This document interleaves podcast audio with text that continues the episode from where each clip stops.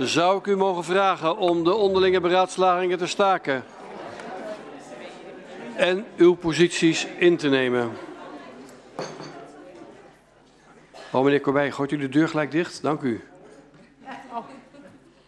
Ja, ik maak gelijk misbruik van de gelegenheid. Um, ik open deze openierende raadsbijeenkomst van 30 maart 2023.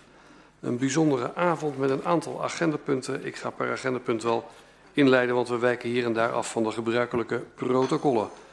Um, maar laat ik beginnen bij agendapunt 1. Is er behoefte om de agenda aan te passen of niet? Nee, dan is die hiermee vastgesteld.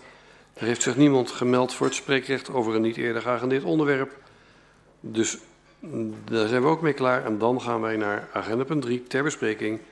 Bestemmingsplan Amersfoortse straat 126. Vooraf heeft zich gemeld de heer Gideonsen, die namens zijn cliënt, de heer Bakker, een inspraakreactie wil verzorgen. Mag ik meneer Gideonsen vragen om naar die microfoon te wandelen? U weet inmiddels de weg, zou ik haar zeggen.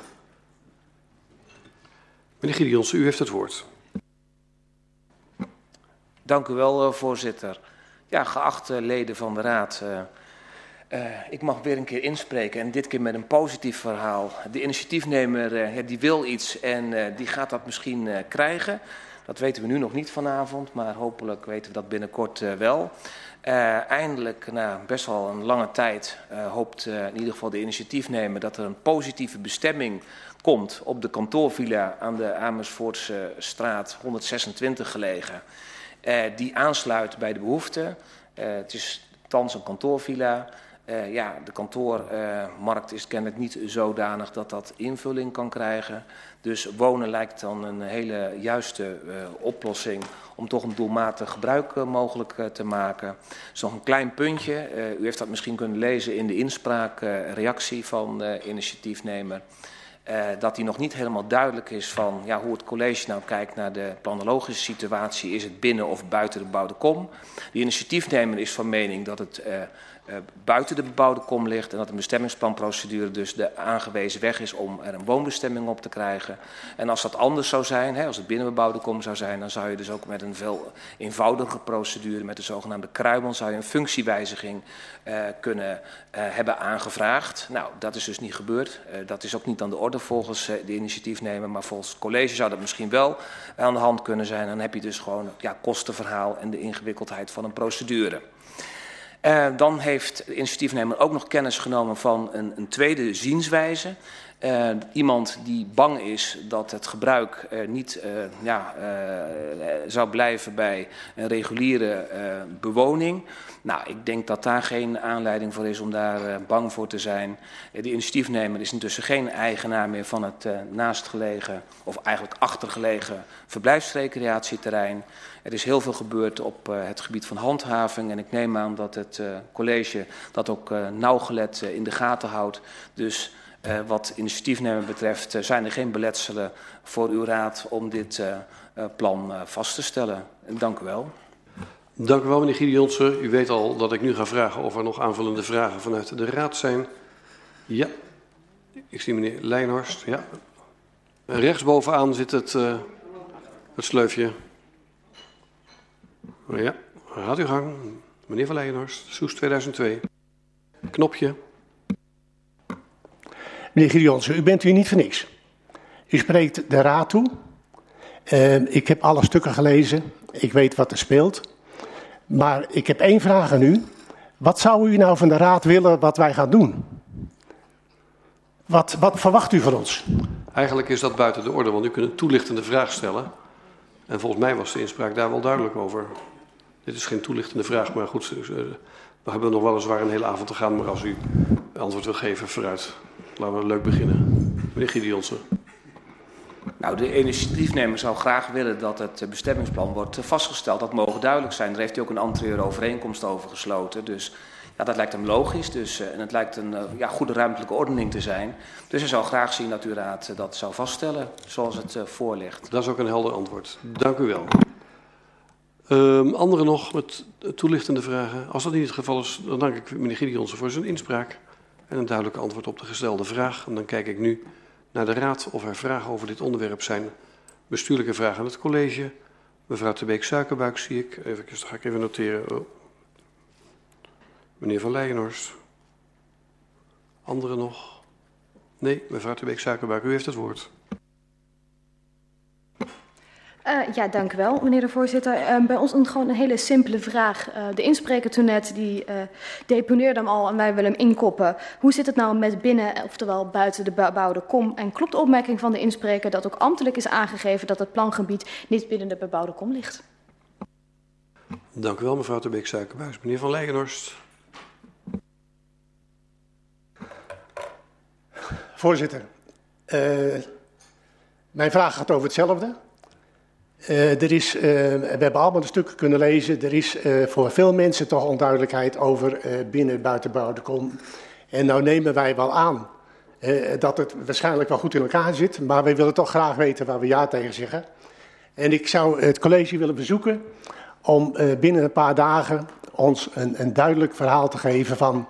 En dat mag op een korte notitie zijn hoe het nou werkelijk in elkaar zit. Wij, wij kunnen er geen chocola van maken. Dat is het verzoek. Is helder, meneer Van Leijenhorst. En ja, het gaat hier vooral eigenlijk om het maken van een bestemmingsplan, maar dat geldt terzijde. Is er nog anders? Zijn er nog andere vragen? Zo niet, dan kijk ik naar de wethouder van dienst. Twee heldere vragen. Een wethouder Scholten namens college van BMW. Dank u wel, voorzitter. Um, deze vraag is in zoverre niet relevant omdat met instemming van de indiener besloten is om hier een bestemmingsplanwijziging van te maken. Die bestemmingsplanwijziging ligt voor.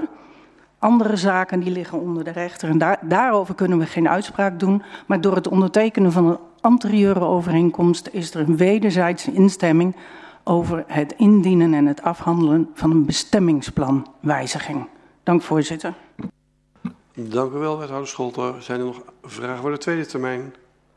Als dat niet het geval is, zijn er, heeft u nog behoefte om met elkaar in gesprek te gaan? Ook niet het geval, dan komt deze voor de besluitvorming terug. Ga ik over naar agenda punt 3b. Bestemmingsplan Den Blieklaan naast nummer 67. Zijn er mensen in deze raad die een vraag hebben aan het college van BMW? Als dat niet het geval is, heeft u nog behoefte om daar met elkaar over in gesprek te gaan? Ook dat is niet het geval. Dat betekent dat ook die terugkomt voor de besluitvorming. Dan gaan wij naar de pièce de la résistance van deze avond, de startnotities. Omgevingsprogramma's, mobiliteit, wonen, werken, energietransitie, waterriolering en groen en landschap. Ja, gaat u rustig achteroverleunen. Uh, even een korte inleiding. Uh, we hebben hier uitbundig over gesproken met elkaar, ook in hoe gaan we de procedure doen. Uh, want dit is eigenlijk ook een afwijking van wat doen. En eigenlijk past ons vergadersysteem ook niet helemaal goed bij.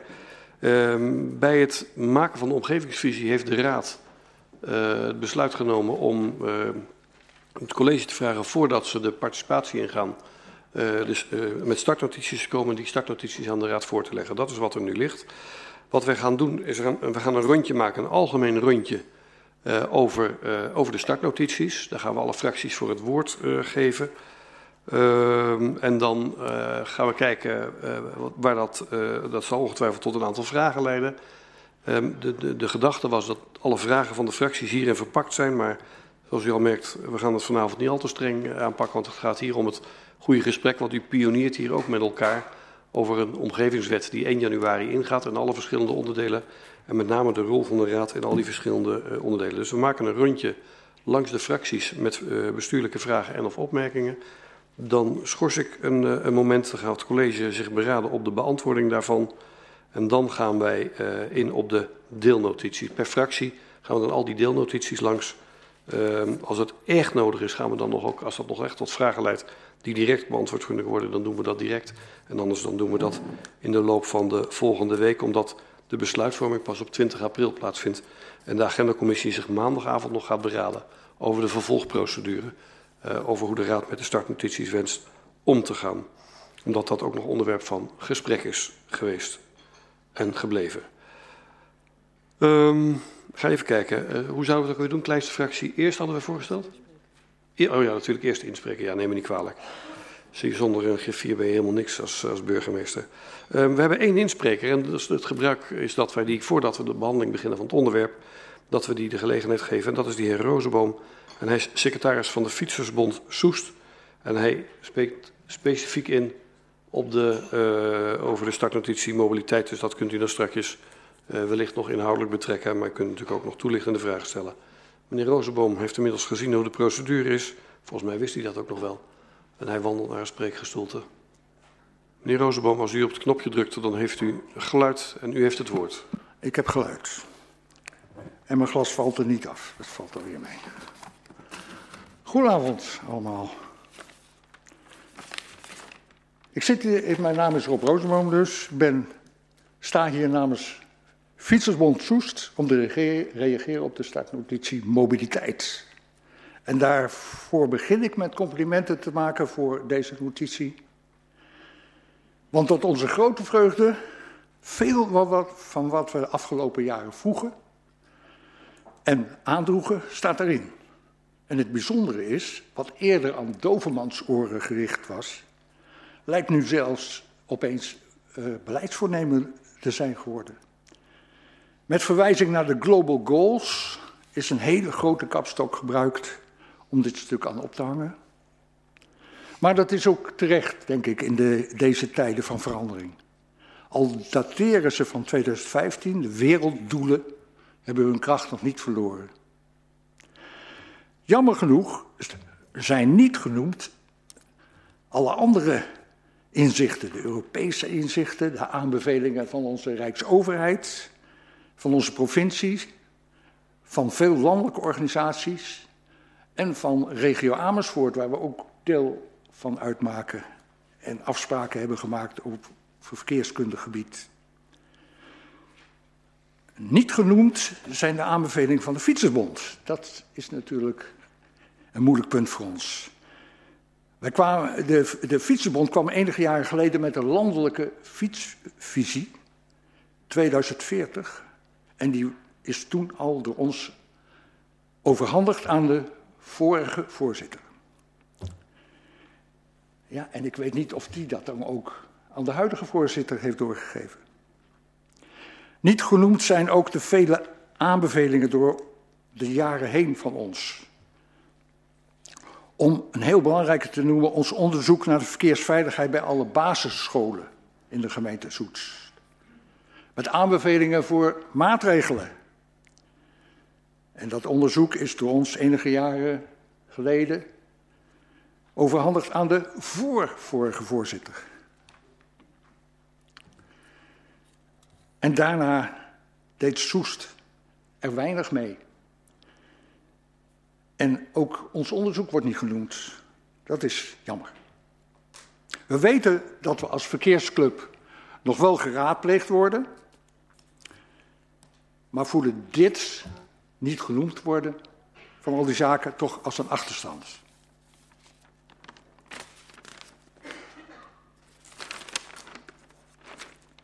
We denken, we denken dat meer fietsgebruik belangrijk is voor het welslagen van deze visie. Op pagina 7 van die 40 pagina's van de notitie staat de scope van omgevingsprogramma Mobiliteit. En volgens ons worden de doelen van die scope pas haalbaar als de fiets in Soest een veel grotere rol gaat krijgen. Soest is een echte autogemeente. Met veel auto-infra, met gratis parkeren. En de grote opgave is dus mensen uit de auto halen en op de fiets krijgen. En dat lukt volgens ons alleen als het de fietser extra aantrekkelijk wordt gemaakt. Met veel meer veiligheid, veel meer comfort en veel betere bereikbaarheid. Slecht gedrag van automobilisten kan het fietsen onveiliger maken. Maar de fietsers zelf zijn daartoe nog veel beter in staat. Die kunnen de meest onwaarschijnlijke capriolen uithalen maar het is dan ook een zeer diverse groep. Van alle leeftijden, van alle variaties van bekwaamheid, van onzeker tot overmoedig. Met allerlei typen fietsen, met verschillende breedtes, verschillende snelheden. Daartussen allerlei mede-fietspadgebruikers, zoals voetgangers, rolschaatsers, scooters, scootmobiels. En dan zijn er ook nog de vuilnispakken die staan te wachten. dat ze mee opgehaald worden. De geparkeerde werkbusjes die er soms staan. Tegenliggers die er soms, die er soms tegenkomt, al of niet. Geregeld. Fietsen op een afgescheiden ruimte van een vrijliggend fietspad gaat vaak goed. Maar ook rijdt vaak rijdt de fietser tussen auto's. En dan is de fietser veel kwetsbaarder. En dat is nou de grote uitdaging voor de gemeente als verantwoordelijk voor de inrichting van de weg. De opdracht is moeilijk. Maak een weg, maak een bocht, maak een kruispunt, een oversteek waarbij een fout niet een verschrikkelijk gevolg kan hebben. En van die verschrikkelijke gevolgen hebben we nog wel wat in ons hoofd zitten, denk ik. Dit gaat over de visie. Nu over de realiteit. De realiteit is dat in Soest nu plannen worden gemaakt voor een herinrichting van de stationsomgeving. Waar twee met verkeerslichten beveiligde oversteken die recht tegenover het station staan verdwijnen. En er één onbeveiligde oversteek verderop voor terugkomt. De realiteit is dat op veel plaatsen langs doorgaande wegen fietspaden vanwege werkzaamheden soms langdurig worden afgesloten. En dan kunnen de auto's meestal door of worden begeleid door verkeersregelaars. Maar fietsers mogen afstappen of een onwaarschijnlijke omleiding volgen, zonder begeleiding. Dat is nu. Er moet dus nog heel wat veranderen voordat fietsen in Soest echt aantrekkelijk wordt. Maar toch alle succes daarmee. Fietsersbond Soest blijft graag meedenken. Dank u voor uw aandacht. Bedankt voorzitter. Dank u wel meneer Roosboom. Blijft u nog even staan, want dan gaan we kijken of er nog behoefte is aan een toelichtende vraag vanuit de gemeenteraad. Mevrouw Terbeek-Suikerbuik, blijft u zitten en stelt u uw vraag. Uh, dank u wel voor uw inbreng. Hier zo naast u. Um, u noemt heel veel. Um, um, en u verwijst ook naar een onderzoek waar ik 1, 2, 3 ook niet mee bekend ben. Maar onder andere over de veiligheid bij basisscholen. En u benoemt uh, het belang van aparte fietspaden. Uh, heel kort, wat zijn de belangrijkste punten die u als Fietsersbond mist in deze mobiliteitsvisie? De, die dingen die ik gemist heb, ben ik toch heel uitgebreid op ingegaan, dacht ik.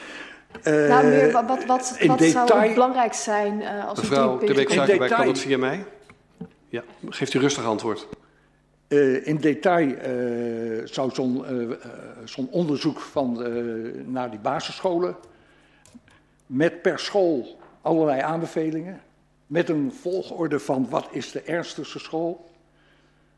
en wat is de allerbeste school, de Eglantier... die ligt natuurlijk geweldig op een, uh, op een uh, hele verkeersvrije zone. De, de, de buurt ligt op een kruispunt van, van drukke wegen, waar een bus langskomt, waar vrachtwagens van de supermarkt langskomen. Allemaal dat, maar dan pak ik eventjes iets eruit hè, van, van wat uit dat onderzoek de, de meest extreme dingen zijn. En dat onderzoek is, is beschikbaar hoor. Ik, ik, heb het weliswaar aan de, wet, de wethouders toen toen de tijd overhandigd, maar hij is nog steeds uh, te verkrijgen.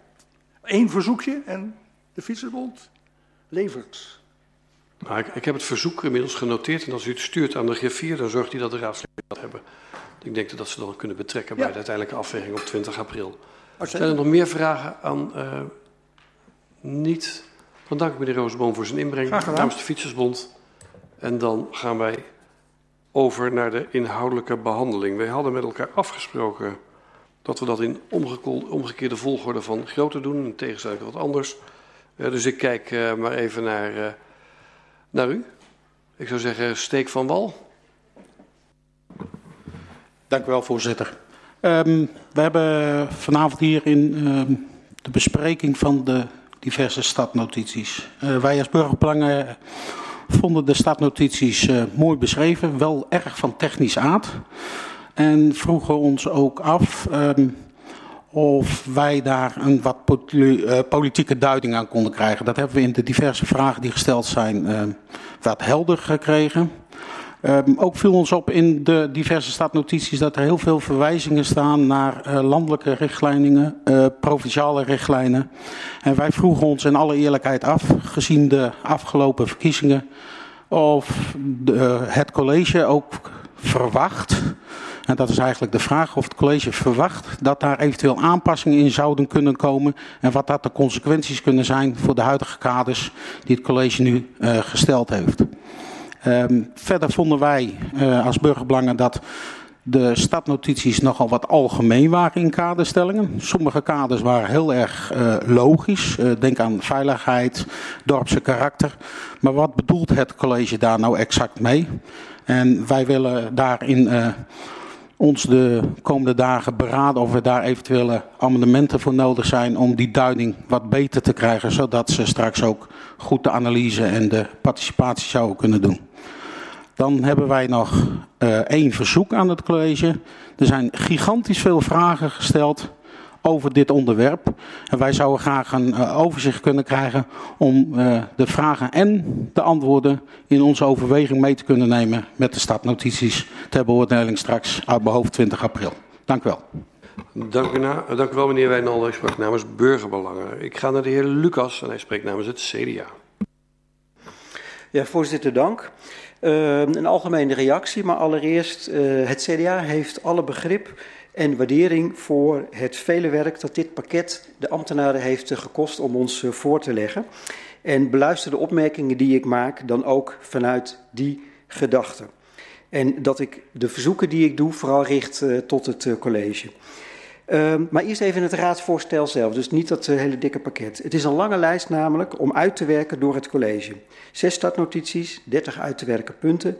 En er komt het eerste aandachtspunt voor het CDA. We missen daarin wel de afstemming. In tekst tussen die uitwerkingen en de tekst in het raadsvoorstel kom je ook niet altijd één op één tegen in de startnotities. En ze zijn soms ook ongelijksoortig beschreven. Voorbeeld, en ik lees nu letterlijk uit het stuk, uitwerken hoe we de leefomgeving prettig en leefbaar blijft, zo staat het er, een prettige en natuurlijke leefomgeving creëren, voor een prettige en natuurlijke leefomgeving zorgen. Het lijkt hetzelfde, maar dat is het niet. Bij wonen een optimale balans creëren tussen het aantal woningen en de kwaliteit betaalbaarheid die bijdraagt aan de gezondheid van onze inwoners. En dan vraag ik me af, wat staat hier? Woningen bouwen die bijdragen aan de gezondheid, Wordt bedoeld woningen met een zo lage prijs dat je niet krom ligt om je huis te betalen. Dat klopt, dat draagt bij aan je gezondheid. Maar ik denk niet dat het zo is bedoeld. Onze vraag is dus, als u deze teksten ons, maar in ieder geval ook het participatieproces, in het participatieproces de inwoners voorlegt, zorg dan dat die teksten, die uitwerken, in ieder geval op elkaar af zijn gestemd. De tweede opmerking, net ook al gemaakt door uh, BBS, zorgt dat de begrippen duidelijk zijn voordat u het de inwoners voorlegt. Ik ga ze niet allemaal noemen, misschien is dat straks ook wel een rol voor ons als raad om daar tot de twintigste wat nadere duiding uh, aan te geven. Um, maar wij vragen in ieder geval als we daarmee aan de gang gaan, ziet u kans om dat voor het participatieproces begint, om daar gebruik van te maken. Een suggestie, kijken of je dat normatief moet doen of vragenderwijs, zou kunnen zijn het begrip hoogbouw. Definieer je dat van tevoren als een gebouw met acht verdie, of sorry, een gebouw met bijvoorbeeld een gebouw tot bijvoorbeeld 20 meter of hoger. Je kan ook vragen aan de inwoners welke bouwhoogte men als inwoner acceptabel vindt en of men daar nog een verschil in ziet in de zin van op die plek zo hoog en op een andere plek wat lager. Voor het CDA, en dat is eigenlijk het belangrijkste voor ons, is belangrijk dat we als raad straks de uitspraken die uit de participatie komen goed kunnen duiden. Proces. Ander punt is het proces. Het CDA wil, dat wil ik heel duidelijk aangeven, in ieder geval graag dat het college verder kan. Daar willen we ook niet voor gaan liggen. Maar we vragen wel aandacht voor de voorbereiding. En ik noemde net al de definitievraag, maar ook belangrijk is wat en hoe het de inwoners wordt voorgelegd. Ga verder dan alleen een wenseninventarisatie of belemmeringen ophalen. Leg bijvoorbeeld, maar dat is aan u, dilemma's voor en consequenties van uh, keuze. Ik schiet nou een beetje door de teksten heen en dan doe ik geen recht aan al die notities, maar ik ga naar de eindproducten. Uh, wij willen graag dat we als raad de zeggenschap hebben over het uiteindelijke resultaat. Over afwegingen als kaders, botsen, over eindproducten als waardekaarten. We zijn als CDA uiteraard geïnteresseerd in de uitkomsten op elk van die startdocumenten, startnotities. Maar voor mij, voor ons, is het het allerbelangrijkste dat we een goed beeld hebben van de integratie ervan. Niet de aparte kaarten, maar de letterlijke opeenstapeling van de ruimtelijke consequenties. Want die integrale ruimtelijke afweging, de kaart, daar zullen we het uiteindelijk over moeten hebben. En ik zeg dat natuurlijk ook als geograaf, die nut en noodzaak van duidelijke kaarten niet vaak genoeg kan benoemen. Dus onze vraag is, komt er zo'n integrale kaart? Want als ik kijk naar de eindproducten zoals die staan genoemd in de stadnotities, en dan kom ik wel tot de stadnotities, dan merk je daar ook een, niet, in ieder geval niet een gelijksoortigheid in. Voorbeeld, bij groen en ook bij werken staat bij 3.6 eindresultaat. Het omgevingsprogramma Groen en Landschap wordt een compact, positief en inspirerend geschreven document. We zorgen, nou ja, we, dat is dan het college neem ik aan, we zorgen voor een fris en visueel aantrekkelijk stuk. Nou, niks mis mee. Maar als je dan bij wonen kijkt, dan staat daar 1. Een lijst met potentiële locaties voor woningbouw. En nadat deze lijst is opgeleverd, is het vervolgens een bestuurlijke keuze om één of meerdere locaties nader uit te werken. Dat roept bij het CDA een heleboel vragen op. Twee daarvan zijn de volgende.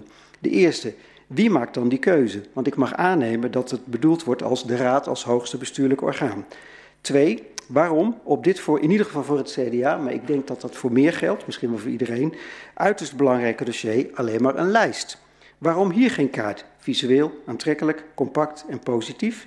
En aanvullend, nu ik het over woningbouwlocaties heb, en dan heb ik het ook over de stadnotitie wonen. Het CDA heeft echt wel dringend behoefte aan een overzicht op kaart van al die woningbouwplannen die er blijkbaar zijn voor de periode tot 2030. Vraag is, wanneer bezorgt u ons een overzicht, een lijst, maar liefst ook een kaart met wat op stapel staat tot 2030? Ik denk dat het ook in het participatieproces veel helderheid kan verschaffen. Tot slot, bij water, of we zeggen bij water, bij de stadnotitie water en de andere, klimaatadaptatie geloof ik, staat dat er waardekaarten worden opgesteld en dat de natuurlijke aard van Soest in beeld wordt gebracht. Prima, de kaart, ik ben haast al helemaal blij. Maar in beeld brengen is wat anders dan in kaart brengen in de zin van noteer op een kaart waar je een bepaalde waarde hebt. En wij willen graag die mate van, die mate van kaartheid, die mate van concreetheid. Dus niet een beeld met plaatjes en in het oosten hebben we polders en in het oosten, eh, naast de polders zit dit en dit. Gewoon man en paard noemen.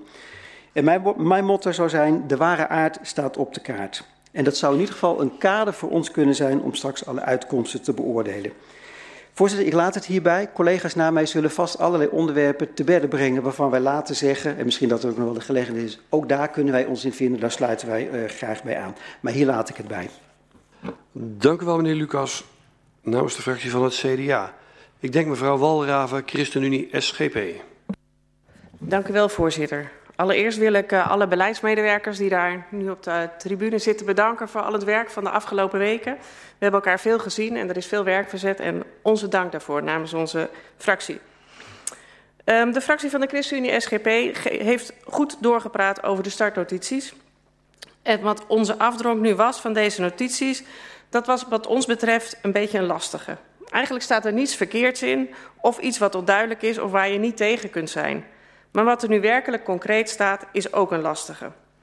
In het raadsbesluit staat bijvoorbeeld dat we de woningmarkt voor iedereen bereikbaar willen houden. Het groen en dorpse karakter van gemeente Soes behouden. Een prettige en natuurlijke leefomgeving creëren. Een bijdrage leveren aan onze klimaatdoelstellingen. En een gezonde leefstijl bevorderen. Zomaar een paar voorbeelden, opdrachten uit het raadsbesluit. En wat ons betreft is hier niets mis mee. En zien we ook dat deze voorstellen ook overeenkomen met datgene wat wij in de omgevingsvisie hebben vastgesteld. Maar het blijft wat ons betreft wel vrij vaag en moeilijk grijpbaar en niet concreet. Deze begrippen vragen wat ons betreft wat om verduidelijking. Want zo wordt een besluit nemen nogal lastig. Maar nu hebben we ook begrepen dat de omgevingswet er is om meer ruimte te bieden, om opgaven aan elkaar te knopen, minder kaders en het makkelijker maken om met de grote opgaves aan de slag te gaan. En daar zit wat ons betreft ook wel een logica in. Omdat als je naar deze startnotities kijkt, zie je dat er veel in elkaar haakt. Zoals je ook in de raders laat zien in de notities. En als we alleen al kijken naar de ruimtevragers in de diverse programma's, dan is dat ook goed om daar integraal naar te kijken en dat uit te werken. Want in elke startnotitie komt de ruimtevraag naar voren. We hebben woningen nodig voor de komende jaren, maar ook werklocaties, energieopwekkers, recreatiemogelijkheden, etc. Dus wat onze fractie betreft is dat een punt wat duidelijk naar voren moet komen, ook tijdens de participatie. En hoe verhoudt dit zich tot het groene en dorpse karakter? Want ook die beschrijving vraagt om een verduidelijking. Want wat is een dorps- en groen karakter en hoe verhoudt zich dit tot bijvoorbeeld onze woningopgave? Hoe gaan we om met onze ruimte en wat is daarin de prioriteit? De kaders voor deze not not notities zijn heel divers. De lokale kaders zijn van de omgevingsvisie en het coalitieakkoord. En dit schuurt soms met elkaar. De vraag die bij ons naar boven kwam is hoe werkt dit als we met de omgevingsvisie kijken naar 2040? We gaan dus met omgevingsprogramma's een groot deel van de ruimtelijke koers co concretiseren. Maar kan een coalitieakkoord daarin niet belemmerend werken met een kortere visie van vier jaar? Krijgen we dan over vier jaar weer te maken met discussies omtrent al deze programma's? Verder lezen we dat de capaciteit ook nog niet overal op orde is. En dat het wel nodig is om hiermee verder te gaan. Zeker als het gaat om de integrale waarborging. En die is heel belangrijk wat ons betreft. We horen graag hoe het met het op orde brengen is van de capaciteit. Tot zover, fractie. Of voorzitter. Ik ben geen fractievoorzitter, dat is heel lang geleden inmiddels. Um, dank u wel, mevrouw Walraven, namens de ChristenUnie SGP. Mevrouw Flinteman, D66.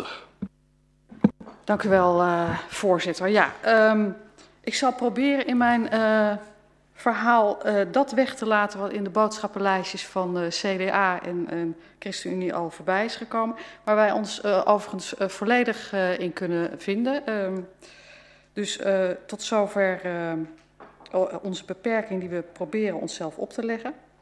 Um, ja, de voorliggende startnotities bieden een brede inventarisatie aan onderwerpen, al vaststaande kaders, mogelijke fricties daartussen, niet gedefinieerde kaders als het groene dorpse karakter, de open polder, integraal aangeboden, want alles grijpt in elkaar. En dat is heel goed. En dat vertelt ook waar we straks kunnen bouwen, waar past de zonneveld, waar is ruimte voor bedrijventerreinen.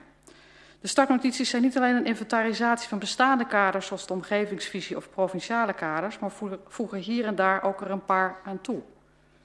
Nieuwe kaders die gebaseerd zijn op aannames, ons inziens, die een willekeurige keuze lijken van het college of die met elkaar in strijd lijken. Maar bij conflicterende, conflicterende kaders geeft het coalitieakkoord de doorslag, lezen we. Coalitieakkoord is drie jaar geldig nog. Omgevingsvisie is nog ik weet niet hoe lang geldig. Is er zo één, in ieder geval. Dat roept veel vragen op. Dat heeft u als college de afgelopen weken ongetwijfeld kunnen constateren. Vragen die nu, die nu niet beantwoord kunnen worden, maar straks wel, als de analysefase en de participatiefase volgens het plan van aanpak is afgerond. Als de waardekaarten over elkaar heen worden gelegd en er een afwegingskader kan worden gemaakt op basis waarvan we politieke keuzes kunnen maken.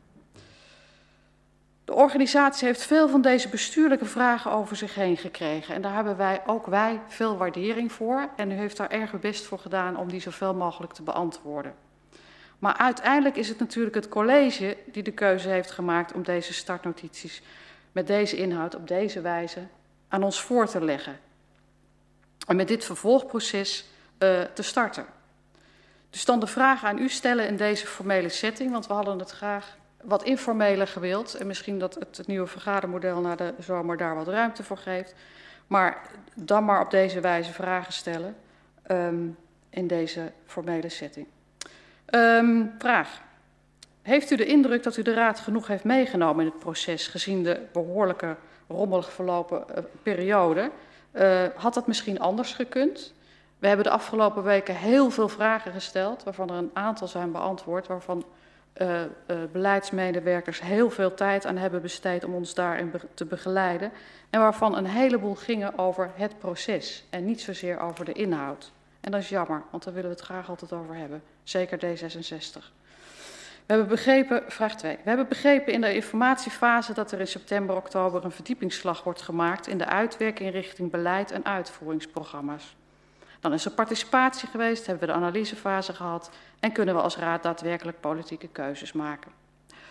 Uh, de heer Lucas verwees er uh, al, uh, net ook al naar de waardekaarten en het afwegingskader. Heel belangrijk. Maar waarom dan nu een stuk accorderen waar eigenlijk nog niks in staat, anders dan wat we al weten, plus een paar nieuwe kaders? Waarom vraagt u ons niet op basis van de al bestaande kaders uit de omgevingsvisie om een plan van aanpak goed te keuren, inclusief het benodigde budget? En nemen we vervolgens in oktober het besluit over welke kaders en hoe zich die tot elkaar verhouden? Vraag 3. Het gaat hier met deze startnotities over zaken die voor inwoners en voor ons heel belangrijk zijn. Waar wordt er gebouwd? Hoeveel wordt er gebouwd? Waar komt er een zonneveld? En hoe wordt de natuur beschermd? Daar kunnen we nu met deze zogenaamde startnotities nog iets van vinden, maar daarna, na de analyse- en participatiefase, zouden we daar niet meer mee aan zet zijn volgens dit proces. Anders dan meedenken en adviseren. Of als er een frictie is tussen conflicterende kaders, daar misschien nog een besluit over nemen. Dat is niet alleen zo ingericht omdat de omgevingswet eraan komt, maar ook omdat u het plan van aanpak tot aan de programma's zo heeft ingericht. Waarom vindt u dat, u dat middels dit voorgestelde proces, wat er nu is ingericht, de Raad als hoogste volksvertegenwoordigende orgaan genoeg zeggenschap zou hebben over de toekomstige inrichting van Soest en Soesterberg? Um, en dan als laatste vraag. Um, het raadsbesluit zij geeft een opsomming van niet te kwantificeren hoogoverdoelen. Het stelt dat het besluit, dat is, tevens het besluit dat de startnotitie kaders geeft. Waar we het wel of niet mee eens uh, zijn. Daarnaast is, het, is, de budgetvraag niet onderbouwd. Ook wordt in het besluit een zienswijzeprocedure genoemd, maar de waarde en aard van die procedure is niet helder. Kunnen alle zienswijzen worden genegeerd? Dus met andere woorden, ook samenvattend vraag 1 tot en met 4. Wat besluiten we nu eigenlijk precies? Tot zover, voorzitter. Dank u wel, mevrouw Flinteman. U sprak namens de fractie van D66. Ik kijk naar de fractie van de Partij van de Arbeid. En de heer Gundus zal daarover het woord voeren.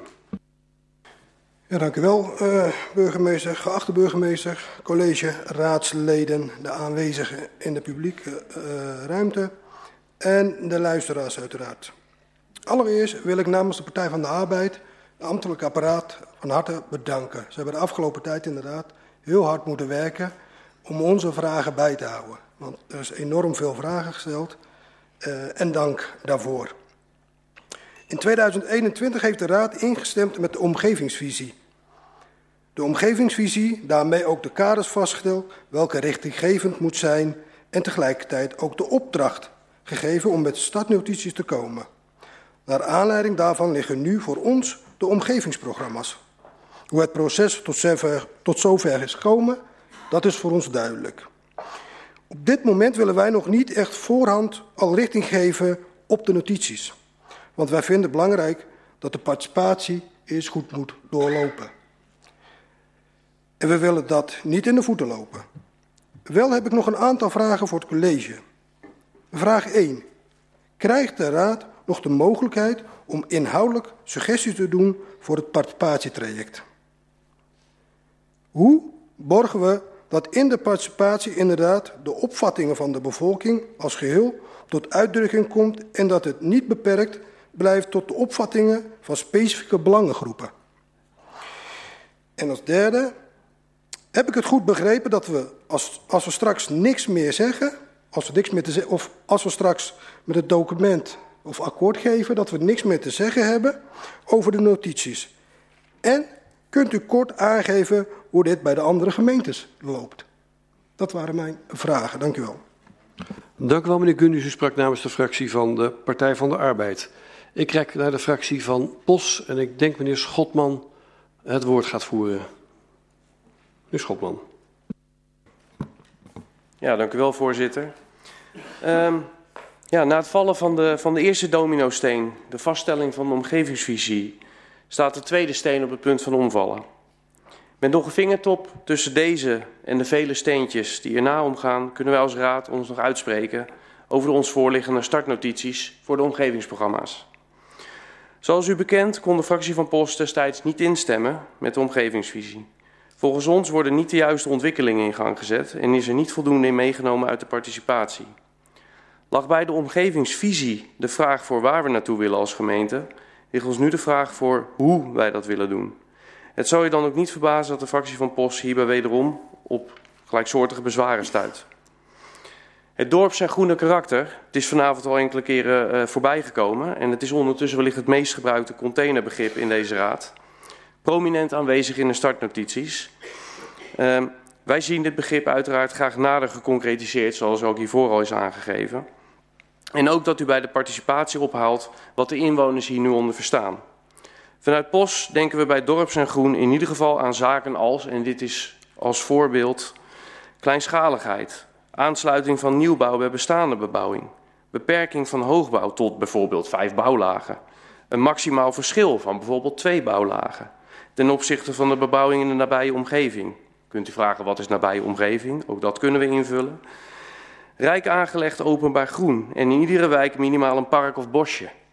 Zo ziet POS bijvoorbeeld een dorps- en groen karakter voor zich. Maar ook niet alles volbouwen, alleen maar omdat we bang zijn buiten de rode contour te kijken. Uiteraard met uitzondering van het TBS-terrein. Daar mag wat POS betreft best gebouwd worden.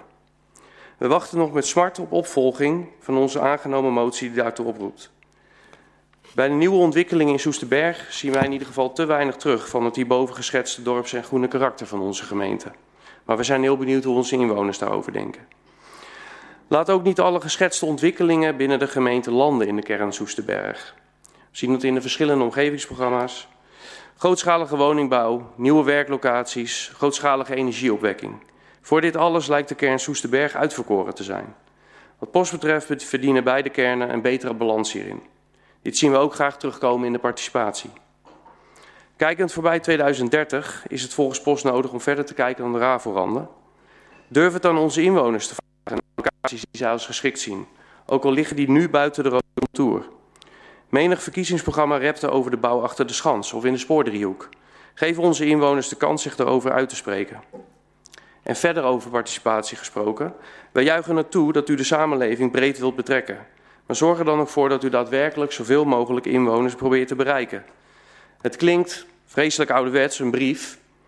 Als het voor de gemeentelijke belastingen kan, dan moet het toch ook kunnen voor een dergelijk belangrijk participatietraject. Plaats er een link en een QR-code in en het is toch nog helemaal hip.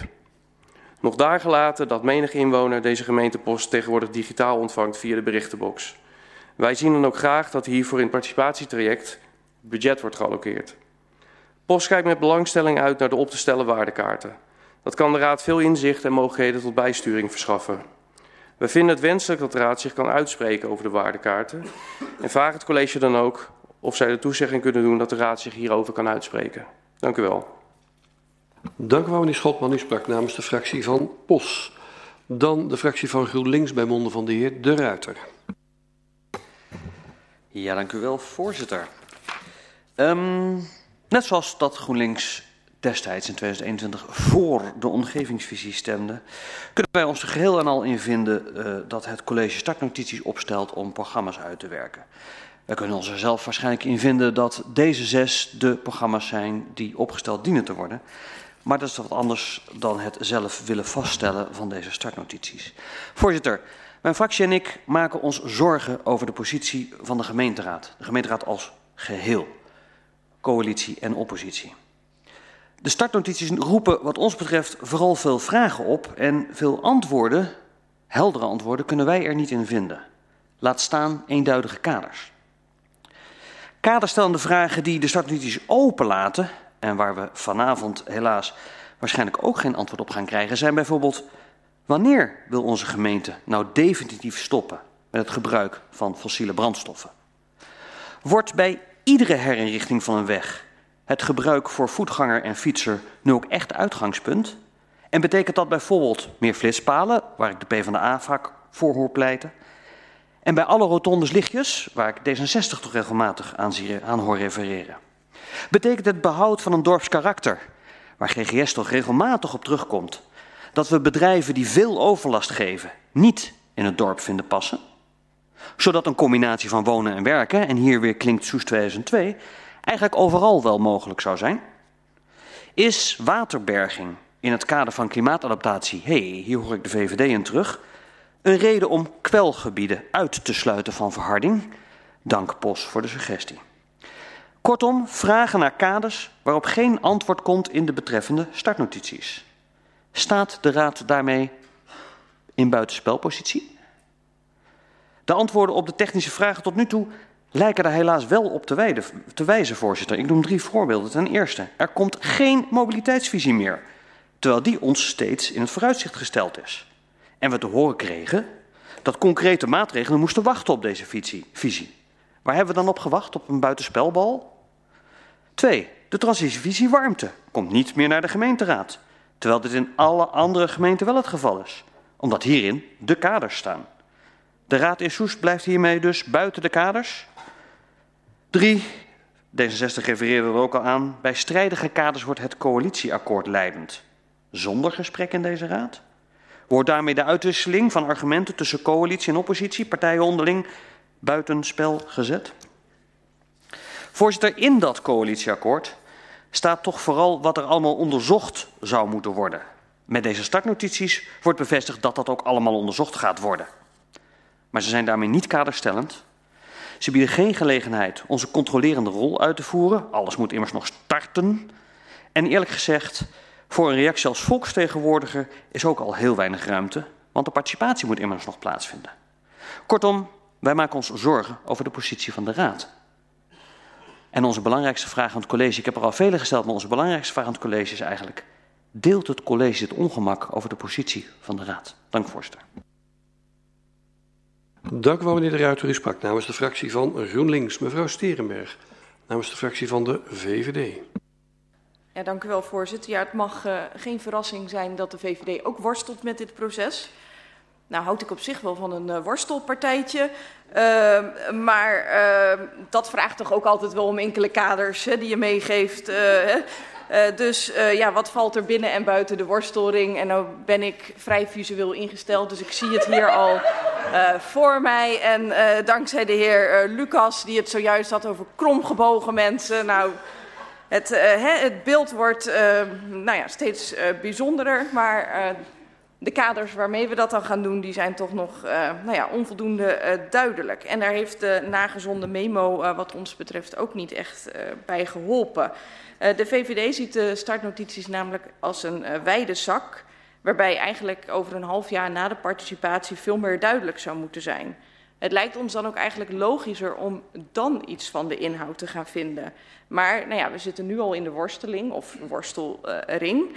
Uh, um, en dan is de vraag, uh, ja, de heer, nou, er zijn al vele voorbeelden genoemd hè, waarbij we ons kunnen aansluiten. Hoe hoog is hoogbouw? Hoe, hoe dorps uh, is, een, is het karakter nou van ons dorp? Uh, wat is dat dan? Um, ja, en dan is de vraag, mogen we daar straks dan nog iets van vinden? Of moeten we nu al op al die nou ja, mogelijke slakken zout gaan leggen of piketpaaltjes gaan slaan. Ja, de VVD vreest dat als we dat gaan doen, dat we dat eigenlijk meer doen vanuit het uh, negatieve. Dus vanuit de angst dat er iets zou gebeuren, dan vanuit het positieve wat er eigenlijk vanuit de participatie uh, is gekomen. We voorzien een beetje een uh, Poolse landdag. Van wat willen we niet. Uh, terwijl juist de basis van participatie zou moeten zijn wat we wel willen. Um, het liefst zouden we daarom eigenlijk alleen instemmen met het beschikbaar stellen van de gelden en nog niet, uh, met het, ons nog niet committeren aan de inhoud. Uh, we zien in plaats van een worsteling namer, namelijk liever teamwork, uh, waarbij we als, zowel als raad gezamenlijk optreden, maar ook ons, samen met onze inwoners aan de slag gaan. En de definities zijn wat ons betreft echt nog te breed. We praten graag verder zodra er meer concreet is en we hopen ook echt van harte dat we die weg samen kunnen gaan bewandelen. De heer Schotman heeft er ook al gevraagd, bijvoorbeeld met de waardekaarten. Dat zou de VVD ook heel erg waardevol vinden.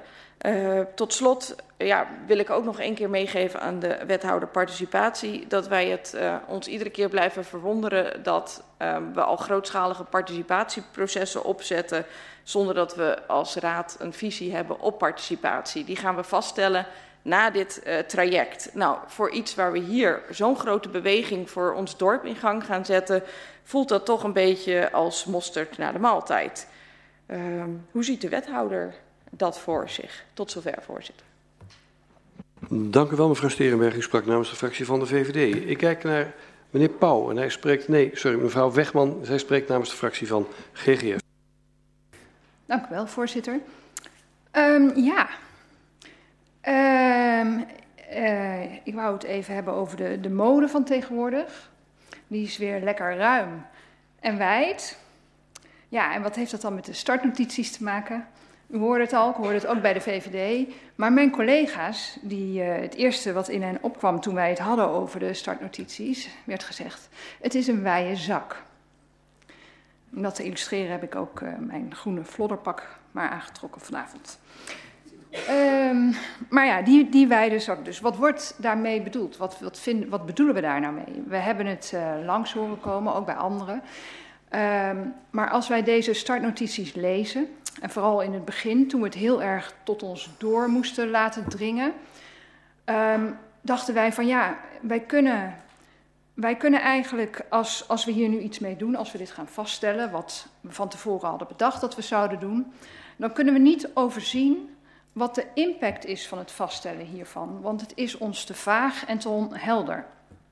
Gelukkig heeft, uh, uh, hebben die startnotities ons wel geholpen om weer heel goed na te denken uh, en om in, ja, in sneltreinvaart weer te gaan bedenken. Wat, wat doet die omgevingswet?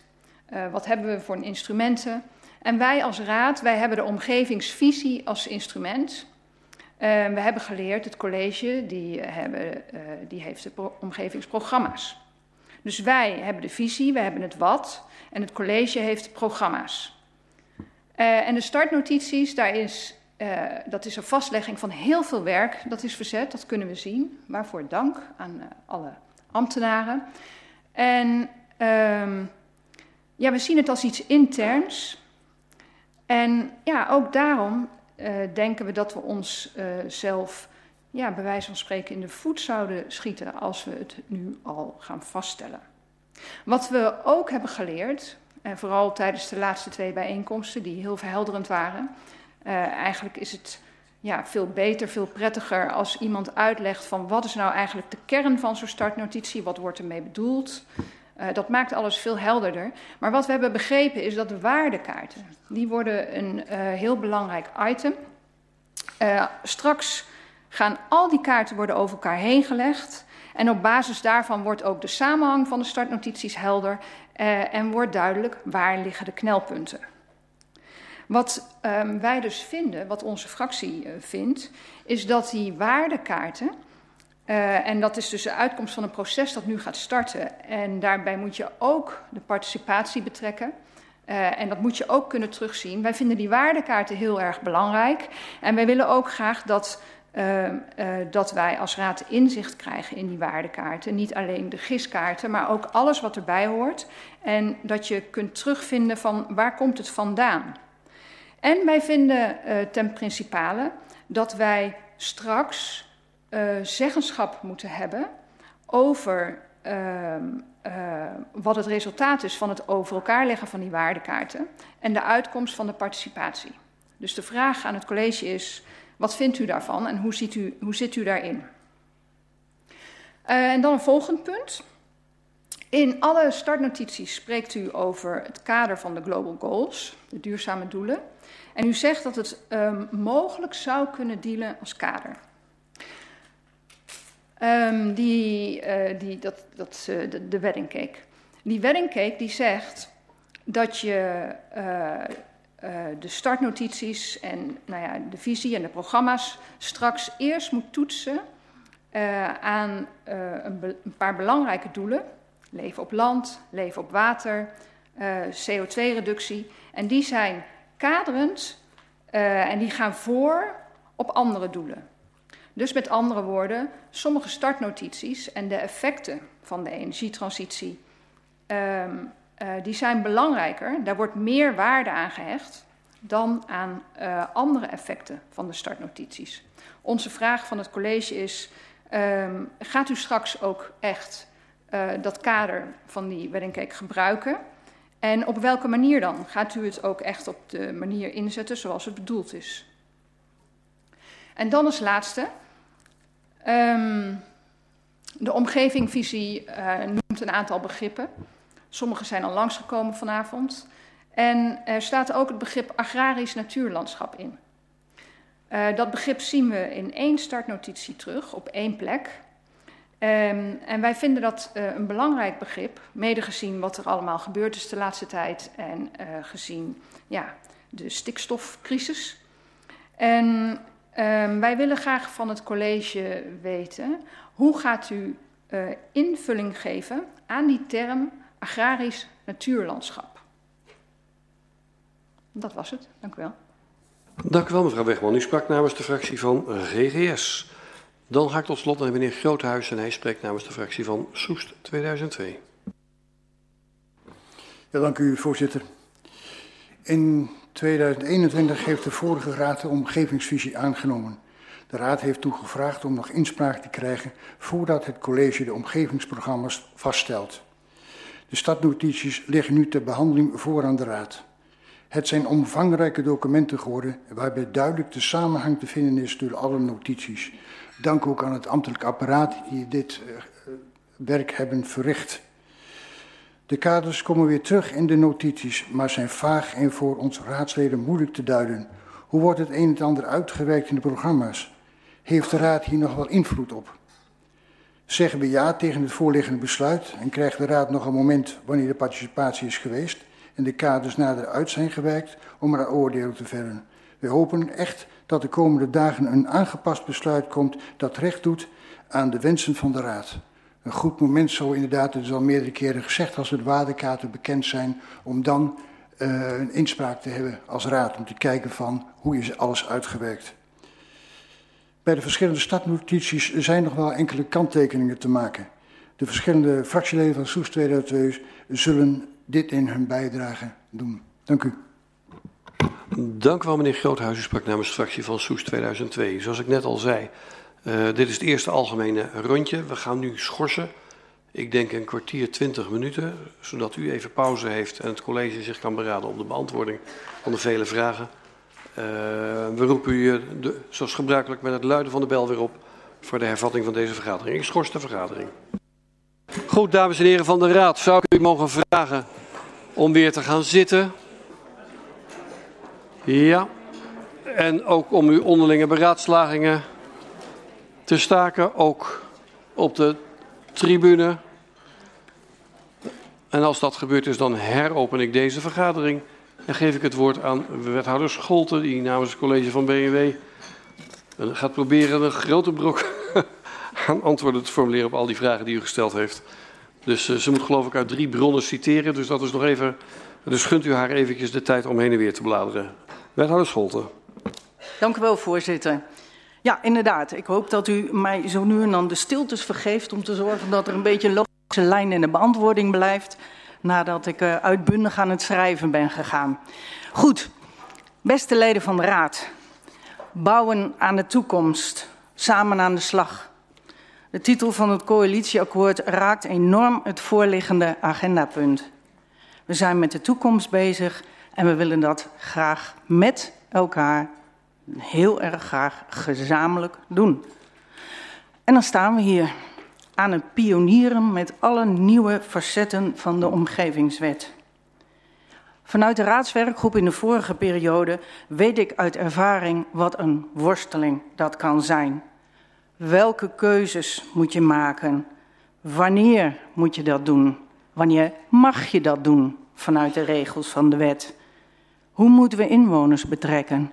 Welke rol vinden wij voor onze inwoners belangrijk? Waar ligt dan vervolgens jouw taak als raadslid? En wanneer kun je daarop sturen? Best heel spannend. Toen en nu. En voor ons allemaal. Dat sturen dat deed u ook bij het vaststellen van de omgevingsvisie met het nadrukkelijke verzoek om startnotities bij u terug te brengen in de raad. En op dat punt zijn we nou. En we hebben gehoord dat u allen best wel uw worsteling heeft. U wilt een goede inbreng. U wilt een inbreng die onze inwoners recht doen. Daarom zijn we ook heel blij als college met uw inbreng. Want u heeft input meegegeven, nieuwe aandachtspunten meegegeven, die we mee kunnen nemen, richting aan het college geven. Want dat helpt ons. Deze inbreng kan betrokken worden bij de te starten onderzoeken en de gerichte vragen aan de samenleving. En Post kwam al met een droom die ze werkelijkheid willen, worden, eh, willen laten worden. Dat waren echt gerichte vragen. Zulke vragen kunnen ons helpen bij de vragen die we onze inwoners willen stellen. Want in wat voor een dorp willen zij wonen? We hebben gezien dat er ook een worsteling is met zijn er nou wel of niet visies? Zien we die niet terug? Is er geen plek voor een visie? Maar zoals ook eerder in de, aan de tafeltjesavond en bij de info-bijeenkomst is aangegeven, de, de, de visie, het omgevingsprogramma, is de visie. En u als raad kunt aandachtspunten meegeven die wij als college mee moeten nemen op weg naar de kaders, de vragen en de analyses om tot een afwegingskader te komen. Want we horen ook heel vaak de vraag: wanneer is er nog een positie voor de raad? Op welk moment kan de raad er nog ergens wat van vinden? En het college hoorde die worsteling en heeft, um, wil u zeggen, en dan moet ik eventjes al mijn gekras ontcijferen om u ook de goede dingen te kunnen vertellen, um, dat wij graag naar de raad toe komen met de afwegingskaders die kunnen helpen bij het bepalen van de waardekaart. We hebben gezien dat dit voor u een heel belangrijk punt is. Dat geven we u mee terug. U krijgt de afwegingskaders terug in de raad. Samen optrekken, het is pionieren. En dat is weer constant zoeken. En de PvdA zegt ook al zoekende, hoe moeten wij die input voor die participatie gaan leveren? Alles wat u nu doet als raad, alles wat u ons meegeeft als aandachtspunt. Nee, we laten de wethouder nu even uitspreken. Oké. Okay. Wat u meegeeft in april als aandachtspunten zijn de dingen die wij ook meenemen in de participatie. Het is heel belangrijk dat wij die vragen ook aan onze inwoners kunnen stellen. En dan horen we vragen over hoogbouw of een dorps- en groen karakter. Dat zijn nou juist de dingen die wij van onze inwoners willen horen. En waarmee we duidelijk weer terug kunnen komen in die afwegingskaders die u dan weer voorgelegd worden.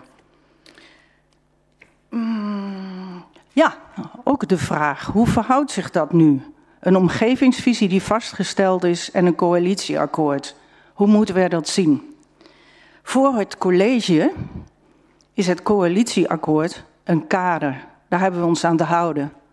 Maar u kunt nu als raad zeggen, dat is mooi, maar we hebben iets toe te voegen.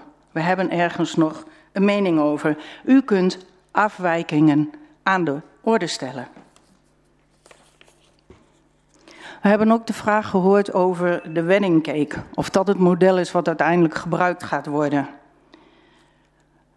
Dat weten we nog niet zeker. Het is een methode die gebruikt zou kunnen worden. Maar in de uiteindelijke weging, de afwegingskaders, krijgt u weer het woord op welke manier dat toegepast zou moeten worden.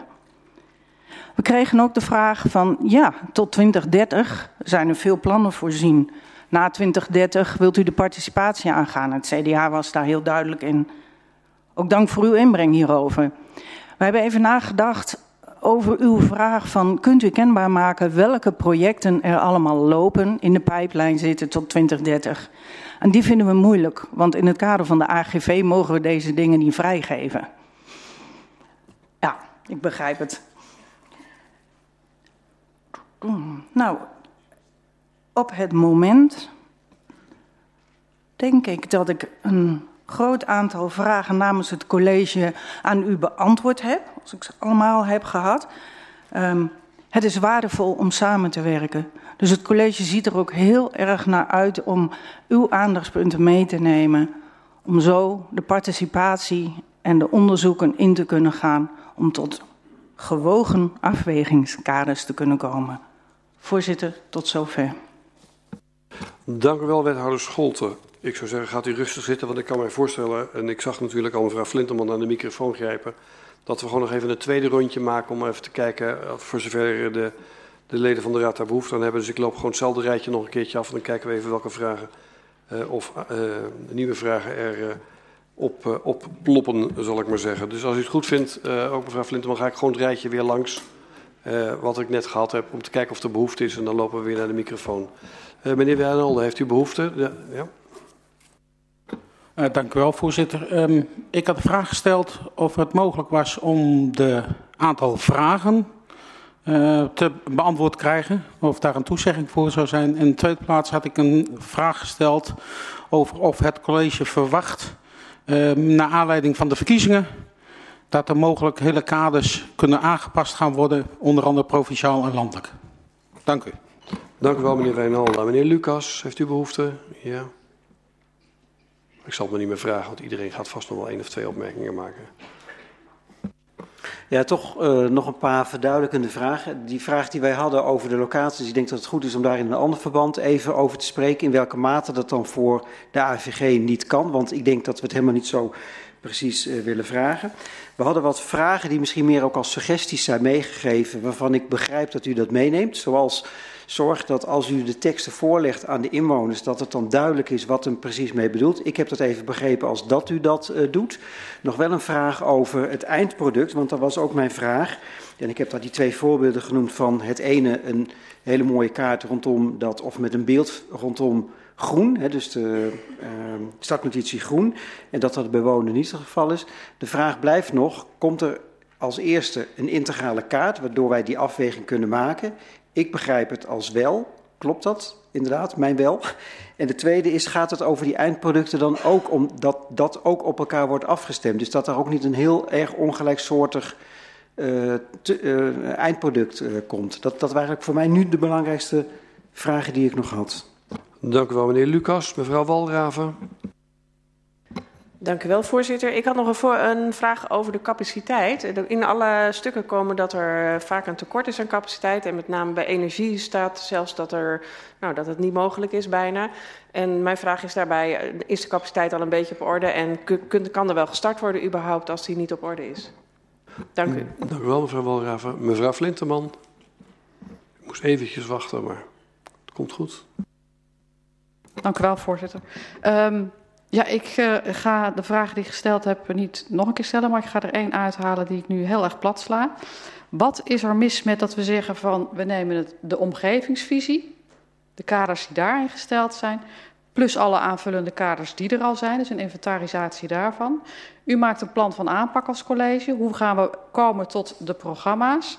We kennen u een budget daarvoor uh, toe. En u komt in oktober bij ons terug met alles wat u opgehaald heeft en op basis daarvan kunnen wij als raad dan zeggen van uh, dit willen we wel, dit willen we niet. Dus wat is er mis met die route, zodat we nu niet iets hoeven goed te keuren waar allerlei, toch allerlei nieuwe kaders in staan, waar we het nooit over gehad hebben, die elkaar conflicteren en waar dus, zoals u hopelijk heeft gemerkt, heel veel onzekerheid en onduidelijkheid is over uh, wat we nu eigenlijk gaan uh, uh, goedkeuren. Dat is één. Twee is, u zegt u komt terug met de afwegingskaders en ook de waardekaarten mag ik aannemen. Maar vanuit welke status is dat dan? Gaan wij daar dan een besluit over nemen? Mogen wij daar een besluit over nemen? Of is het alleen maar ter advies, consultatie en mogen er iets van zeggen, maar besluit uiteindelijk het college wat ze ermee gaan doen? Dank u wel, mevrouw Flinteman. Meneer Gundus. Ja, dank u wel. Uh, inderdaad, de meeste vragen waren wel uh, beantwoord. Alleen op één vraag na. En dat ging over de voorbeeld van over de andere gemeentes en de regio's. Hoe daar loopt dit proces? Kunt u daar ook voorbeelden van geven? Dank u wel, meneer Gundus. Meneer Schotman. Maar u komt vanzelf aan de beurt, mevrouw Wegman. Eerst meneer Schotman. Uh, nou, eigenlijk, eigenlijk ter, ter, reactie of ter aanvulling op uh, mevrouw Vlinterman. Dat is natuurlijk één manier om het proces in te steken. Alleen als het proces insteken zoals het eigenlijk nu aanvankelijk voor ligt, procesmatig. Hoe ziet u de sturing vanuit de Raad voor zich in aanloop naar 20 april? Hebben we straks dan 10 amendementen of 20 amendementen per startnotitie? Dus daar zijn wij wel benieuwd naar. Dank u wel. Dank u wel, meneer Schotman. Meneer De Ruiter. Ja, dank voorzitter. Uh, dank ook uh, wethouder voor de korte, uh, bondige beantwoording namens het college. Dank ook voor de toezegging dat het afwegingskader en de waardekaarten, dat u deze met de raad nog gaat bespreken. Ik hoop dat ik dat goed heb geïnterpreteerd. Maar het is dezelfde vraag als mevrouw Flinterman al gesteld heeft. Terecht. Zou u ook willen toezeggen dat wij als raad wel degelijk nog een mobiliteitsvisie en een transitievisie warmte voorgelegd krijgen? krijgen. Dank voorzitter. Dank u wel, meneer De Ruiter. Mevrouw Sterenberg, u heeft niets. Dan ga ik... Ja, mevrouw Wegman, u zag al in de startblokken. Dank u wel. Wij hadden dezelfde vraag over de waardekaart. Krijgen we ook die kaarten zelf te zien? En um, wij willen er graag over kunnen besluiten. Dat was de vraag. Kan dat? Uh, en wij hadden gevraagd agrarisch natuurlandschap. Uh, hoe en waar gaat u daar invulling aan geven, ook gezien de stikstofcrisis? Dank u wel, mevrouw Wegman. Meneer Groothuis. Ja, dank u voorzitter. Ja, ik had eigenlijk maar één vraag in mijn bijdrage. En dat is, uh, gaat het besluit nog worden gewijzigd? Krijgen wij een aangepast besluit waar we duidelijk weten waar we aan toe zijn?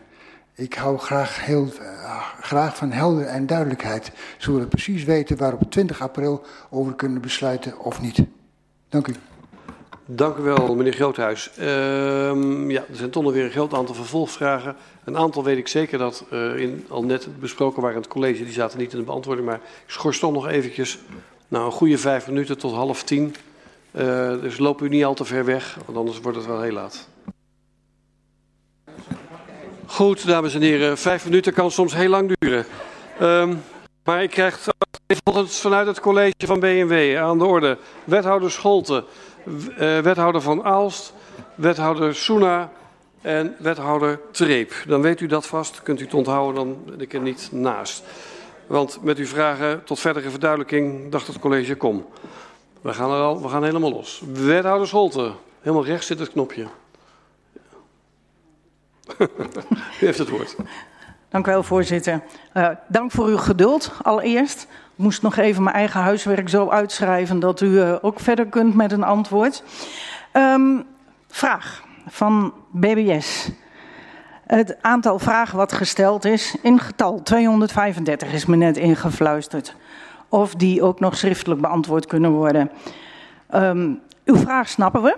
Het legt wel een enorme werklast op de organisatie. Maar als u antwoorden nodig heeft om tot een besluit te kunnen komen, dan vragen we u om die vragen te mailen naar de Griffie. Want het is belangrijk dat u alle info heeft die kunnen helpen om tot een weloverwogen besluit van uw kant te kunnen komen. Geldt voor de rest van de raad ook. Um, u vraagt ook nog, nou, we hebben verkiezingen gehad en, en misschien nog wel, maak ik erachteraan, komt er nog meer. Um, wat kan dat doen als daar een veranderend landschap van ideeën en kaders uh, gaat ontstaan? Wat doet dat met de processen en de kaders waar wij nu mee bezig zijn? Um, ik kan u zeggen dat alle externe kaders die veranderen en daardoor ook van invloed zijn of worden op de kaders waar wij mee bezig zijn, dan komt de raad altijd bij u terug daarmee. Het college, denk ik dat u bedoelt. Och, sorry. Ja. ja. Dan vroeg het CDA nog even um, de teksten, of we die uh, netjes uh, gaan ordenen, gelijkheid erin en dan pas voor gaan leggen in de participatie. was een goede tip, dus dank u wel daarvoor en dat gaan we zeker doen. U heeft het ook gehad over het eindproduct. En uh, daar wil ik een verduidelijking geven. Want waardekaarten, en u met uw achtergrond wordt helemaal gelukkig van het woord kaart, vertelde u al. Een waardekaart is in, in ons geval een kwalitatief document. Die documenten moeten over elkaar heen gelegd worden. Qua systematiek zijn ze vergelijkbaar met zoveel mogelijk zeggenschap. Dus het is een document in plaats van een kaart waar u uh, wegen, water en gasvelden kunt uh, ontdekken. Dan kregen we vanuit D66 nog de vraag over een, een andersoortig proces wat u, uh, wat u voorstelde. Um, juist doordat u de raad gevraagd heeft gezamenlijk op te lopen en startnotities weer terug te brengen in de raad, hechten we met elkaar waarde aan die gezamenlijkheid en alles wat er nodig is om u ook weer in de gelegenheid te stellen accenten aan te geven. En die accenten zijn in dit proces razend belangrijk voor uiteindelijk het totale proces, inclusief de participatie. Dus die accenten zijn nu nodig. PvdA vroeg of er ook andere gemeentes zijn die um, een, een voorbeeld kunnen zijn voor ons. Iedere gemeente is met hetzelfde proces bezig, met dezelfde bevoegdheden. Maar zoals ik in het begin van mijn inbreng ook uh, aan u vertelde, aan u allen vertelde, we zijn wel een beetje aan het pionieren, want wij zijn koplopers. En als je bijvoorbeeld ziet dat Amersfoort nu pas zijn omgevingsvisie ter inzage legt, dus nog helemaal niet met programma's bezig is, en Baarn nog helemaal moet beginnen, dan hebben wij dus niet een gemeente waar wij uh, eventuele handigheden op kunnen halen om, uh, om hier weer toe te passen. Kijk ik even weer zo. Pos, u vraagt hoe, u, hoe wij de raadsvergadering van 20 april voor ons zien. Of er 20 amendementen en moties komen. Nou, ik ben benieuwd hoe u dat gaat zien. Dat is aan u als raad om te kijken op welke manier u dat moment met elkaar mee wilt gaan maken. Komende maandagavond is er wel een agendacommissie. En ik heb begrepen dat in ieder geval gesproken gaat worden over het vervolgproces. Het is aan u. Dus bijna de vraag andersom. GroenLinks vroeg of de afwegingskaders en de waardekaarten nog voorkomen liggen ter besluitvorming. Dan kan ik u duidelijk zeggen, de waardekaarten nee. Want waardekaarten zijn gemaakt op basis van analyses, onderzoek en participatie. Maar de afwegingskaders, ja, dat hebben wij u zojuist gemeld. Daarmee komen we terug bij uw raad. En Soes 2002 vroeg nog of er een gewijzigd besluit voorgelegd wordt. En dan verwijs ik ook weer naar het, uh, het antwoord aan POS. Het is aan u als raad om te beslissen wat u wilt in de volgende stappen op weg naar 20 april. Voorzitter, tot zover mijn beantwoording. Dank u wel, wethouder Scholten. Kijk ik nu naar wethouder Van Aalst. Ik ga graag in op de vraag van mevrouw eh, Walraven van de ChristenUnie. Omdat hij een relatie heeft met het implementatieplan Bouwen aan Vertrouwen. Uw vraag was van, is er voldoende capaciteit om dit ook op te stellen?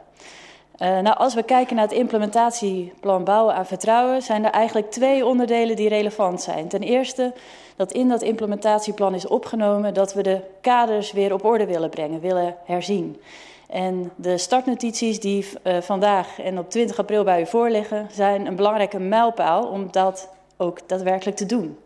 En we hebben ons ook voorgenomen voortaan dat als we taken beleggen bij de organisatie, dat we dan ook zorgen dat er voldoende budget bij is. Daarom is in een eerdere fase ook budget gevraagd bij de Raad om die startnotities op te stellen. En leggen we nu voor uh, twee startnotities ook een aanvullende budgetvraag voor, om ook, dat ook echt goed te kunnen doen. Dank u wel. Dank u wel, wethouder Van Aalst. Wethouder Soena. Ja, dank u wel. Uh, er was een vraag van GroenLinks over de mobiliteitsvisie. Dat wil ik graag beantwoorden. Ik snap de verwarring bij u, omdat we nu spreken over het omgevingsprogramma mobiliteit. Eigenlijk is dat hetzelfde als de mobiliteitsvisie wat we oorspronkelijk ook aan de orde hadden. En waarom is dat het geval? Omdat we bij de mobiliteitsvisie eigenlijk antwoorden wilden op de hoe-vragen die leven. Zoals hoe zorgen we dat de scholen verkeersveilig worden? Hoe zorgen we dat de fietspaden eigenlijk de ruimte kunnen krijgen? Wat de Fietsersbond ook van de avond aangaf. Hoe kunnen we ervoor zorgen dat we Soest bereikbaar en ook goed kunnen ontsluiten? Al dat soort vragen willen we integraal kunnen afwegen Vandaar ook dat we in de zes programma's gezamenlijk willen optrekken om de integrale afweging te maken. En hetzelfde geldt ook voor de uh, visie voor warmtetransitie. Dank u wel, wethouder Soena. Dan ga ik nu naar wethouder Trip. Als toetje vanuit het college. Nou, laat het u dan maar smaken, zou ik zeggen. Mevrouw Wegman, uh, GGS, u vroeg naar uh, het agrarisch natuurlandschap. Uh, hoe dat uh, vorm gaat krijgen is natuurlijk een begrip wat voortkomt uit de omgevingsvisie zelf. Waar ook gezegd werd, daar zou je een gebiedsgerichte uitwerking van moeten krijgen. In het programma Groen en Landschap is dat juist de vraag. En waar je dus vorm aan moet geven, net zoals je invulling moet geven aan dorps- en groene karakter. Uh, waar meneer Pos ook al... meneer Pos, sorry, meneer Schotman. sorry. al zelf accenten aangaf. Mevrouw Scholten zei net ook, geeft u vooral uw accenten mee hoe u dat ziet aan de voorkant. Want wij gaan het in een analyse, onderzoek en participatie meenemen. Maar we hebben ook nadrukkelijk gezegd dat we nog onvoldoende weten over stikstof. Daar krijgen we nog kaders van hogerhand uh, mee. Die zullen dan ook geïmplementeerd moeten worden. Zoals u ziet, heeft het college zijn best gedaan om zo uitputtend mogelijk te zijn. Desalniettemin kan ik mij voorstellen, het is niet gebruikelijk om meer dan twee termijnen te doen, maar het is een belangrijk onderwerp Mocht u nog echt dingen hebben waarvan u zegt van ja, die wil ik toch nog even kwijt, dan wil ik daar de gelegenheid voor geven. Ja, dan ga gewoon even het, eh, het, het, rondje af. Ja, we gaan straks naar de meer inhoudelijke onderwerpen van de startnotities, van de afzonderlijke startnotities. Om even de schijnbewegingen te voorkomen. Meneer Lucas. Ja, dank voor de beantwoording. Hoewel dank waar ik eerst blij was met een kaart, moet ik nou, nou weer, niet zijn. Uh, maar het, het, maakt het voor mij wel weer duidelijker dat in de teksten er heel veel onduidelijkheden staan. Want in de notitie, de startnotitie groen, staat toch bij eindresultaat, ik noemde net het een en ander. In het document krijgen een visiekaart en overzichtskaarten een centrale plek. U hoeft het nu niet te beantwoorden, dat kom ik misschien later doen. Nou lees ik dat toch als, waar eerst een kaart een document is, lees ik hier, een kaart is echt een ruimtelijke kaart, waar het beeld op staat. Dus voor mij wordt het er niet duidelijker op waar nou een kaart een kaart is en wanneer een kaart een aanzichtkaart is of wanneer een kaart een document is. En dat maakt voor mij wel uit hoe ik straks duidelijkheid krijg over wat het is. En daar moeten we het misschien uh, voor de twintigste nog over hebben. En dat heeft misschien ook wat te maken met waar we wel of niet over besluiten. En waar u inderdaad dan de ruimte krijgt om ons het participatieverhaal of de uitkomsten daarvan ons uh, duidelijk uh, te maken. Dus mijn verwarring is, is er nog steeds. Dank u wel. Ik kijk even rond of er verder nog vragen zijn. Ik zie in ieder geval mevrouw Wegman daarna, meneer De Ruiter. Mevrouw Wegman. Een kleine uh, verduidelijkende vraag nog over die waardekaarten. Want we mogen dus, um, uh, we gaan besluiten over, de, over het afwegingskader, naar aanleiding daarvan. Uh, maar we krijgen dus ook die informatie in te zien van die waardekaarten. Ja, dank u. Ja, non-verbaal, maar ik zal even voor degene die niet het non-verbale gedrag mee hebben kunnen krijgen. Ja, natuurlijk krijgt u dat.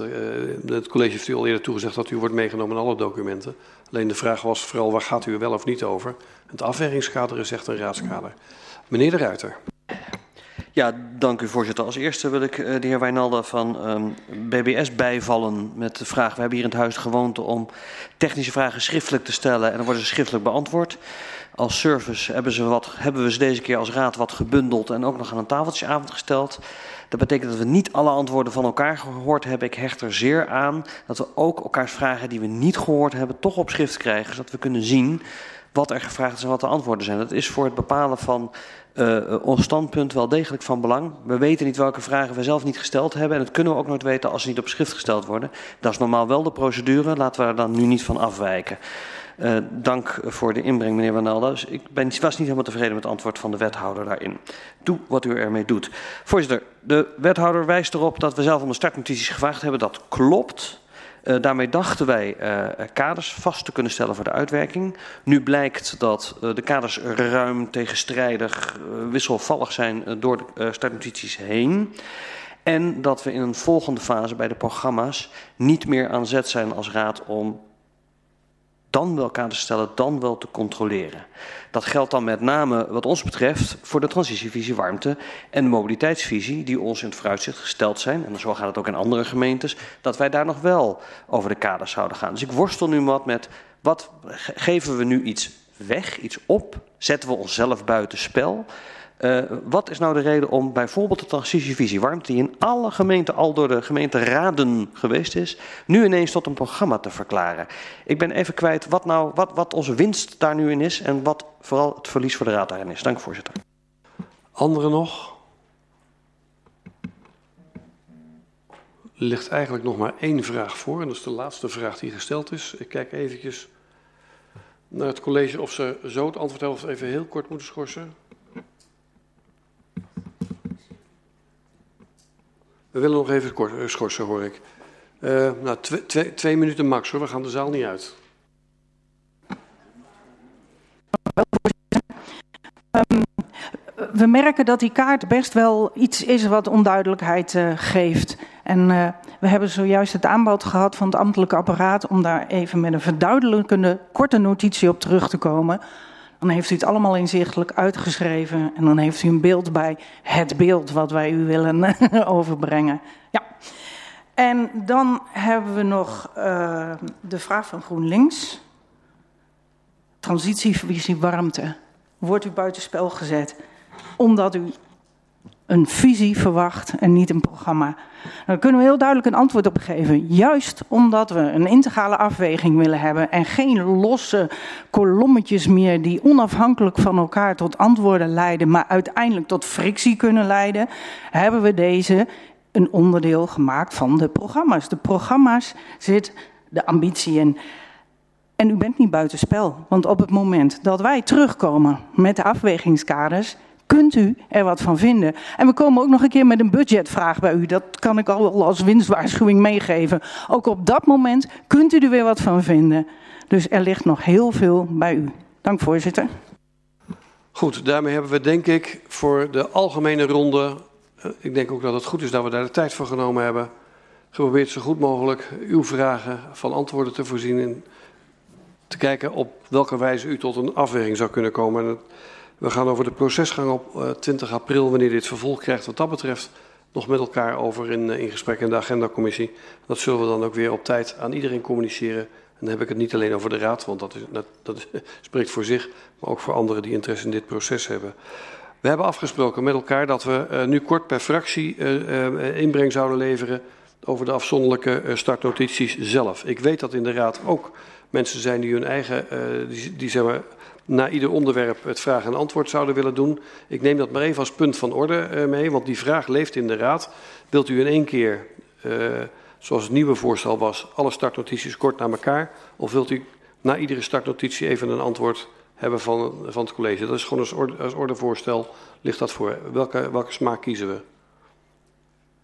Meneer Vrakking. Heb ik het goed begrepen dat startnotitie uh, na startnotitie behandeld wordt. Dus eerst nee, ik stel nu het ordepunt. Want we hadden uh, in het originele voorstel was dat we startnotitie na startnotitie in twee termijnen zouden behandelen.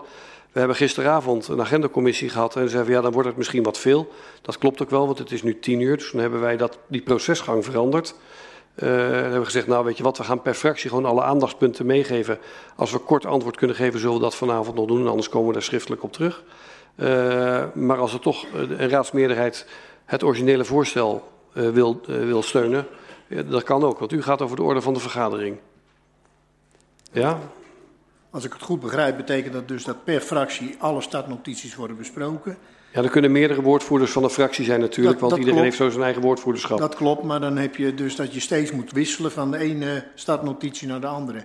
En ik heb liever, maar dat uh, moet de raad maar beslissen, dat we bijvoorbeeld alleen maar helemaal met uh, de ronde hebben over uh, de startnotitie ja. wonen en daarna over mobiliteit of net de volgorde die... Uh, ja, maar dat, uw voorkeur is het origineel en het nieuwe voorstel was om per fractie alle vijf de startnotities te doen. Nou, ik ga even rond. Partij van de Arbeid? Ja, voorzitter, dank u wel. Um, voor mij is het een beetje de vraag wat uh, de samenhang is tussen de procedure zoals we die nu vanavond doen en het feit dat er uh, aanstaande maandag door de fractie voor de agendacommissie ook nog over de procedure wordt, ge, wordt nee, Dan gaat het over de procedure van de besluitvorming van 20 april.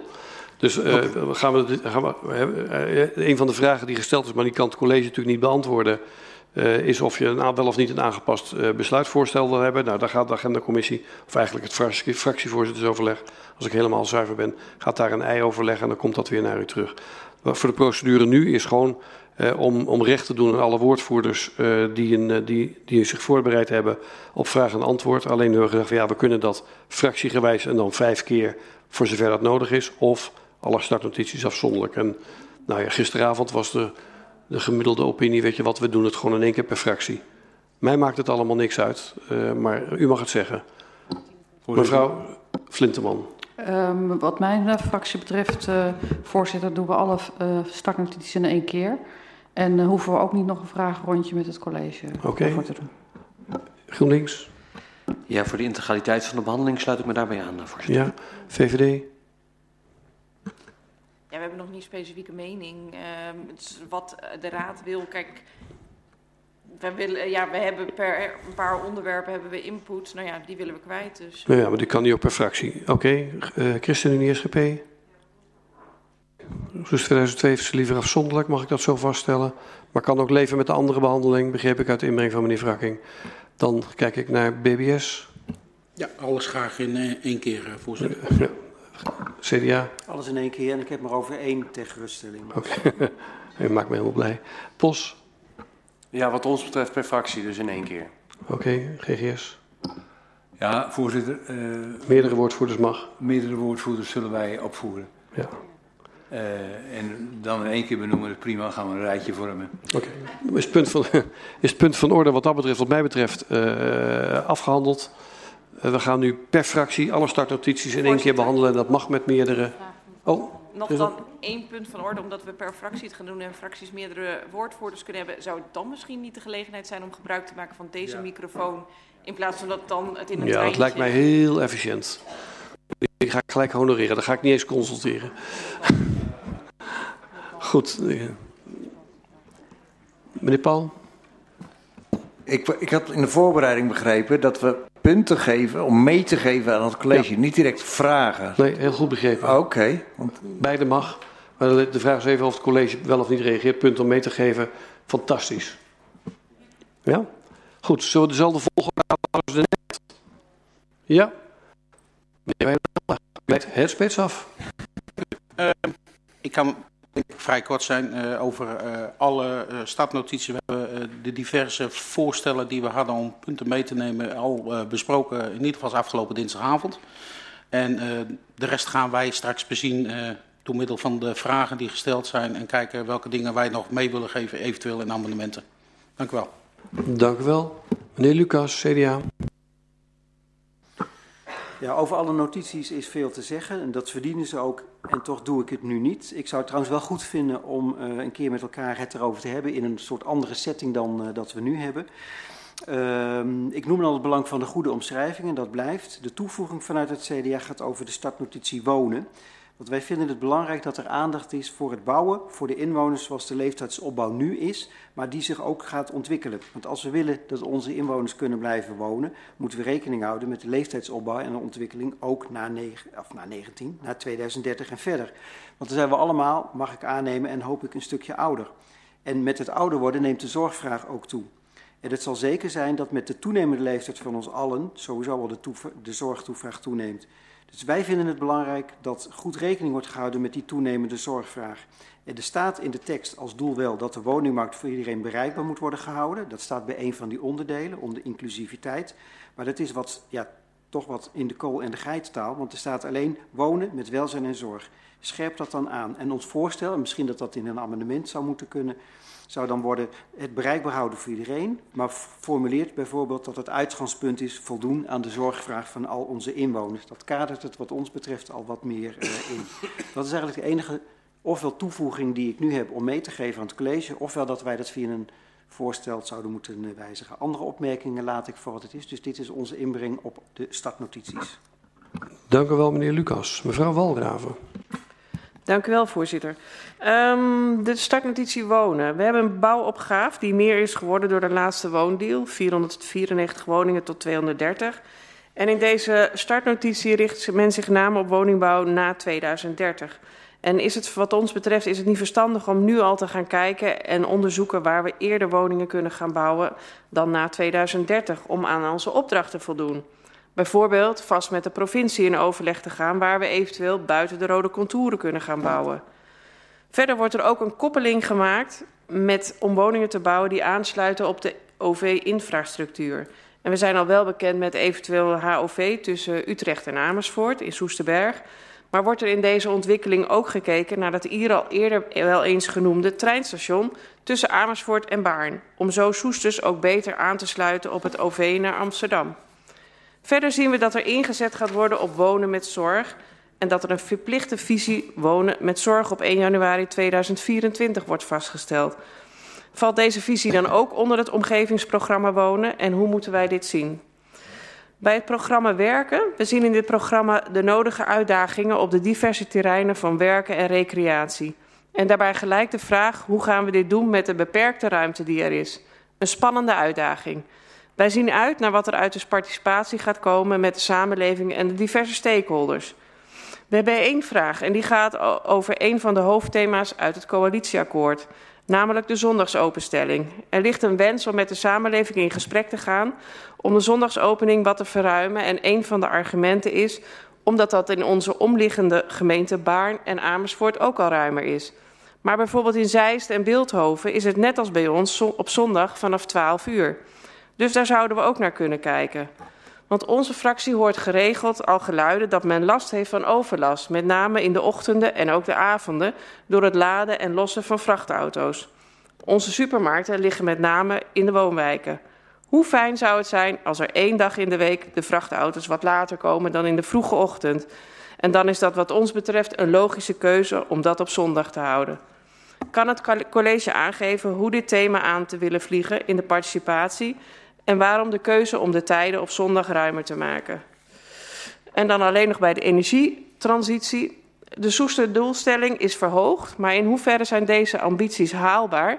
Want de aansluitingen op het net zijn, die zijn er nog niet klaar voor. En ook staat het huidige college terughoudend tegenover de plaatsing van windturbines en zonnevelden. Hoe gaan we dan onze doelstelling halen? Dat was het. En mijn collega Fixen doet de mobiliteit. Meneer Fixen. Dank u, voorzitter. Nou, we lezen in de mobiliteitsvisie allerlei opmerkingen die wij allemaal herkennen. Gemeente van Soest kan in de toekomst nou heel veel problemen tegenkomen wat mobiliteit betreft. We denken aan de woonopgave eh, en het eh, ontmoedigen van het autogebruik in de diverse woonwijken. Het zal ongetwijfeld de druk op de verkeersaders, ik denk bijvoorbeeld aan de Koningsweg, doen toenemen. Onze vraag is, is er ook een plan B? Naast alle kaders die we in de notitie kunnen lezen. Stel nu bijvoorbeeld dat na participatie blijkt dat er een noordoostelijke rondweg wordt verlangd naast de spoorlijn Amersfoort Hilversum. Hoe kijkt het college dan daarnaar? Het tweede onderdeel is het stomprincipe, is al net even genoemd, ook uh, door meneer Rozenboom, die er al wat over gezegd heeft. En dat onderschrijven wij van harte. Maar wel hebben we de vraag of het eigenlijk weer van de auto reëel is voor een toch aanzienlijk grote groep ouderen in Soest. En daarnaast denk ik ook aan ouders die hun kinderen toch wel heel graag met de auto naar school willen brengen en daarna naar hun werk gaan. De derde, wat het openbaar vervoer betreft, zou het een aderlating zijn, dat vinden we allemaal, als het Soesterlijntje wordt afgeschaft. Maar stel dat het gebeurt, is er dan een plan B? Mijn collega van Walraven gaf al een suggestie. En ik ben benieuwd nogmaals hoe daar het college naar kijkt. Bijvoorbeeld station Soest de Schans. Vierde, de HOV-lijn langs Soesterberg lijkt onze fractie best ambitieus en zal nog wel de nodige tijd vergen om deze te realiseren. Op korte termijn lijkt ons een directe overwinning tussen Soesterberg en station Den Dolder sterk aan te bevelen. Bij het stimuleren van het openbaar vervoer zullen we dan wel de nodige randvoorwaarden moeten zorgen. En hopelijk kan het college, zoals in de notitie staat, ook lobbyen bij de provincie of bij andere organisaties om hier aandacht aan te besteden. En het laatste, de fietsroute van Soest naar Hilversum. Gelukkig wordt die wel genoemd en we vinden het nog steeds jammer, ik denk velen met ons, dat er nog steeds geen redelijk alternatief is voor deze afsluiting van het voormalige fietspad. Hopelijk kan het college, de gemeenteraad van Baarn, de noodzaak van deze nieuwe fietsroute zo spoedig mogelijk eens een keer onder de aandacht brengen. Volgens mij zijn de meeste voorbereidingen al getroffen, alleen het moet nog in beton worden gegoten. Dank u. Dank u wel, meneer Fixen. Samen met mevrouw Walraven sprak ik namens de fractie van de ChristenUnie SGP. Ik geef denk ik voor D66 als eerste het woord aan mevrouw Flinteman en daarna gaat het zich verdelen. Mevrouw Flinteman. Ja, klopt. Dank u wel. Um, ik zal uh, beginnen met wonen. Um, we hebben het al over de abstracties van de definities gehad. En dat uh, wil ik nog even verder aanscherpen. Want er worden ook um, termen gebruikt als wanneer bouwen we voldoende? Wat is dat bijvoorbeeld? Wanneer, wanneer bouwen we voldoende? Er zijn geen aantallen genoemd, dus dan is het ook niet duidelijk wanneer je voldoende bouwt. En wat is de optimale balans tussen wonen, natuur en de haalbaar, financiële haalbaarheid? Ook die optimale balans is niet gedefinieerd. En wie bepaalt die definitie?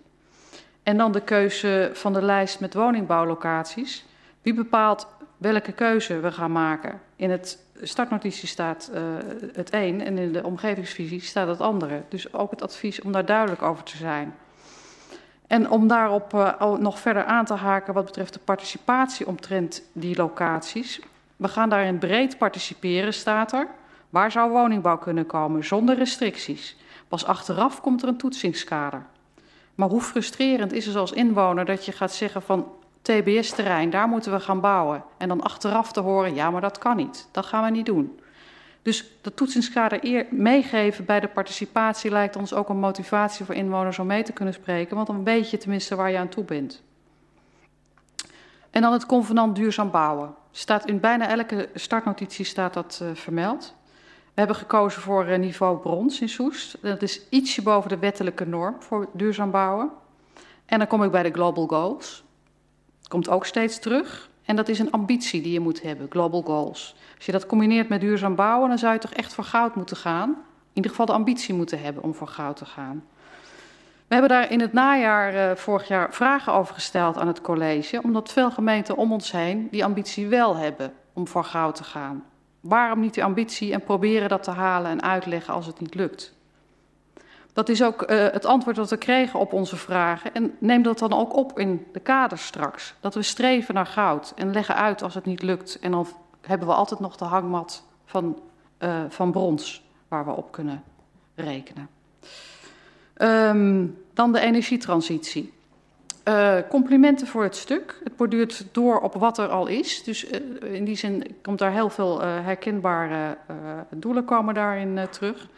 Goed dat de ambitie wat wordt opgeschroefd. En dat er actief aan de gang wordt gegaan met netcongestie, opwekking duurzame energie, aquathermie en de transitievisie warmte. Opslag van energie is een belangrijk onderwerp in de komende jaren, zeker in combinatie met de genoemde netcongestie. Goed dat daar nu wordt over nagedacht. Dan natuur en groen. Waardering voor het feit dat dit nu een volwaardig uh, onderwerp is en dat daar ook een, een startnotitie voor is. Want natuur is immers vaak het ondergeschoven kindje geweest als het gaat om het gevecht om de ruimte. We streven een prettige en natuurlijke le leefomgeving na, lees ik in de startnotitie. En daar krijgen bodem, water, groen, bodem, water en groen veel aandacht. Maar D66 vindt het ook belangrijk dat het onderwerp lucht hier een plek krijgt. Fijnstof, CO2-uitstoot, overlast van geluid en vliegverkeer kan een belangrijke negatieve factor zijn als het gaat om onze leefomgeving. Dus neem dat als voorwaardig onderwerp op. Ook hier weer de global goals. Als we de ambitie niet hebben om hier wat aan te doen, door bijvoorbeeld het schone luchtakkoord, zie ik hier ook niet terug. Ja, dan wordt het heel erg lastig om voor jezelf uh, de lat ergens uh, te hangen. Um, en dan uh, gaat collega Dennis Terbeek Suikerbuik gaat de mobiliteitsnotitie doen. Meneer Terbeek Suikerbuik. Ja, namens D66 mag, mag Dennis ook nog wat zeggen. Um, er zijn een, uh, om een beetje de status van vanavond voor mij niet helemaal uh, duidelijk is, uh, kan het zijn dat mijn accenten dus ooit nog abonnementen gaan worden, maar ik geef het nu in ieder geval als accenten met uitroeptekens mee. Um, allereerst is eigenlijk een vraag voor de wethouder onderwijs en dat komt mede dankzij de heer Rozenboom. 15 maart was ik bij de Fietsersbond aanwezig. toen hadden we het ook al een beetje over, over het onderwijs en fietsveiligheid. En ook voor coronatijd had D66 een fantastische scholenroute. Uh, jammer genoeg, dankzij corona waren het maar zeven scholen die ik heb kunnen bereiken. Maar goed. Um, en tijdens die gesprekken met die scholen viel mij op dat verkeersveiligheid voor iedere school toch wel op een andere manier uh, gevoeld wordt. Dus ik vroeg me een beetje af in hoeverre het college dus in gesprek is met iedere school apart als het gaat om, uh, om verkeersveiligheid en dan vooral natuurlijk voor de kinderen. Um, dat is één vraag. Die andere drie die heb ik vooral drie bijzonder goede punten, al zeg ik het zelf. Um, allereerst is de, gaat het ook een beetje over het onderwijs. Als je kijkt naar Soest, zijn er, zie je eigenlijk twee plekken waar gewoon scholieren naartoe fietsen. We hebben namelijk een hoekje met middelbare scholen. Ja, het Griffland, het Baans Lyceum en het Waldheim. En je hebt een hoekje met de sport. Daar zit uh, bijvoorbeeld de voetbalclub, de hockeyclub, dat is de Bosstraat. Dat zijn twee best wel hele specifieke plekken waar uh, waar jongeren naartoe fietsen.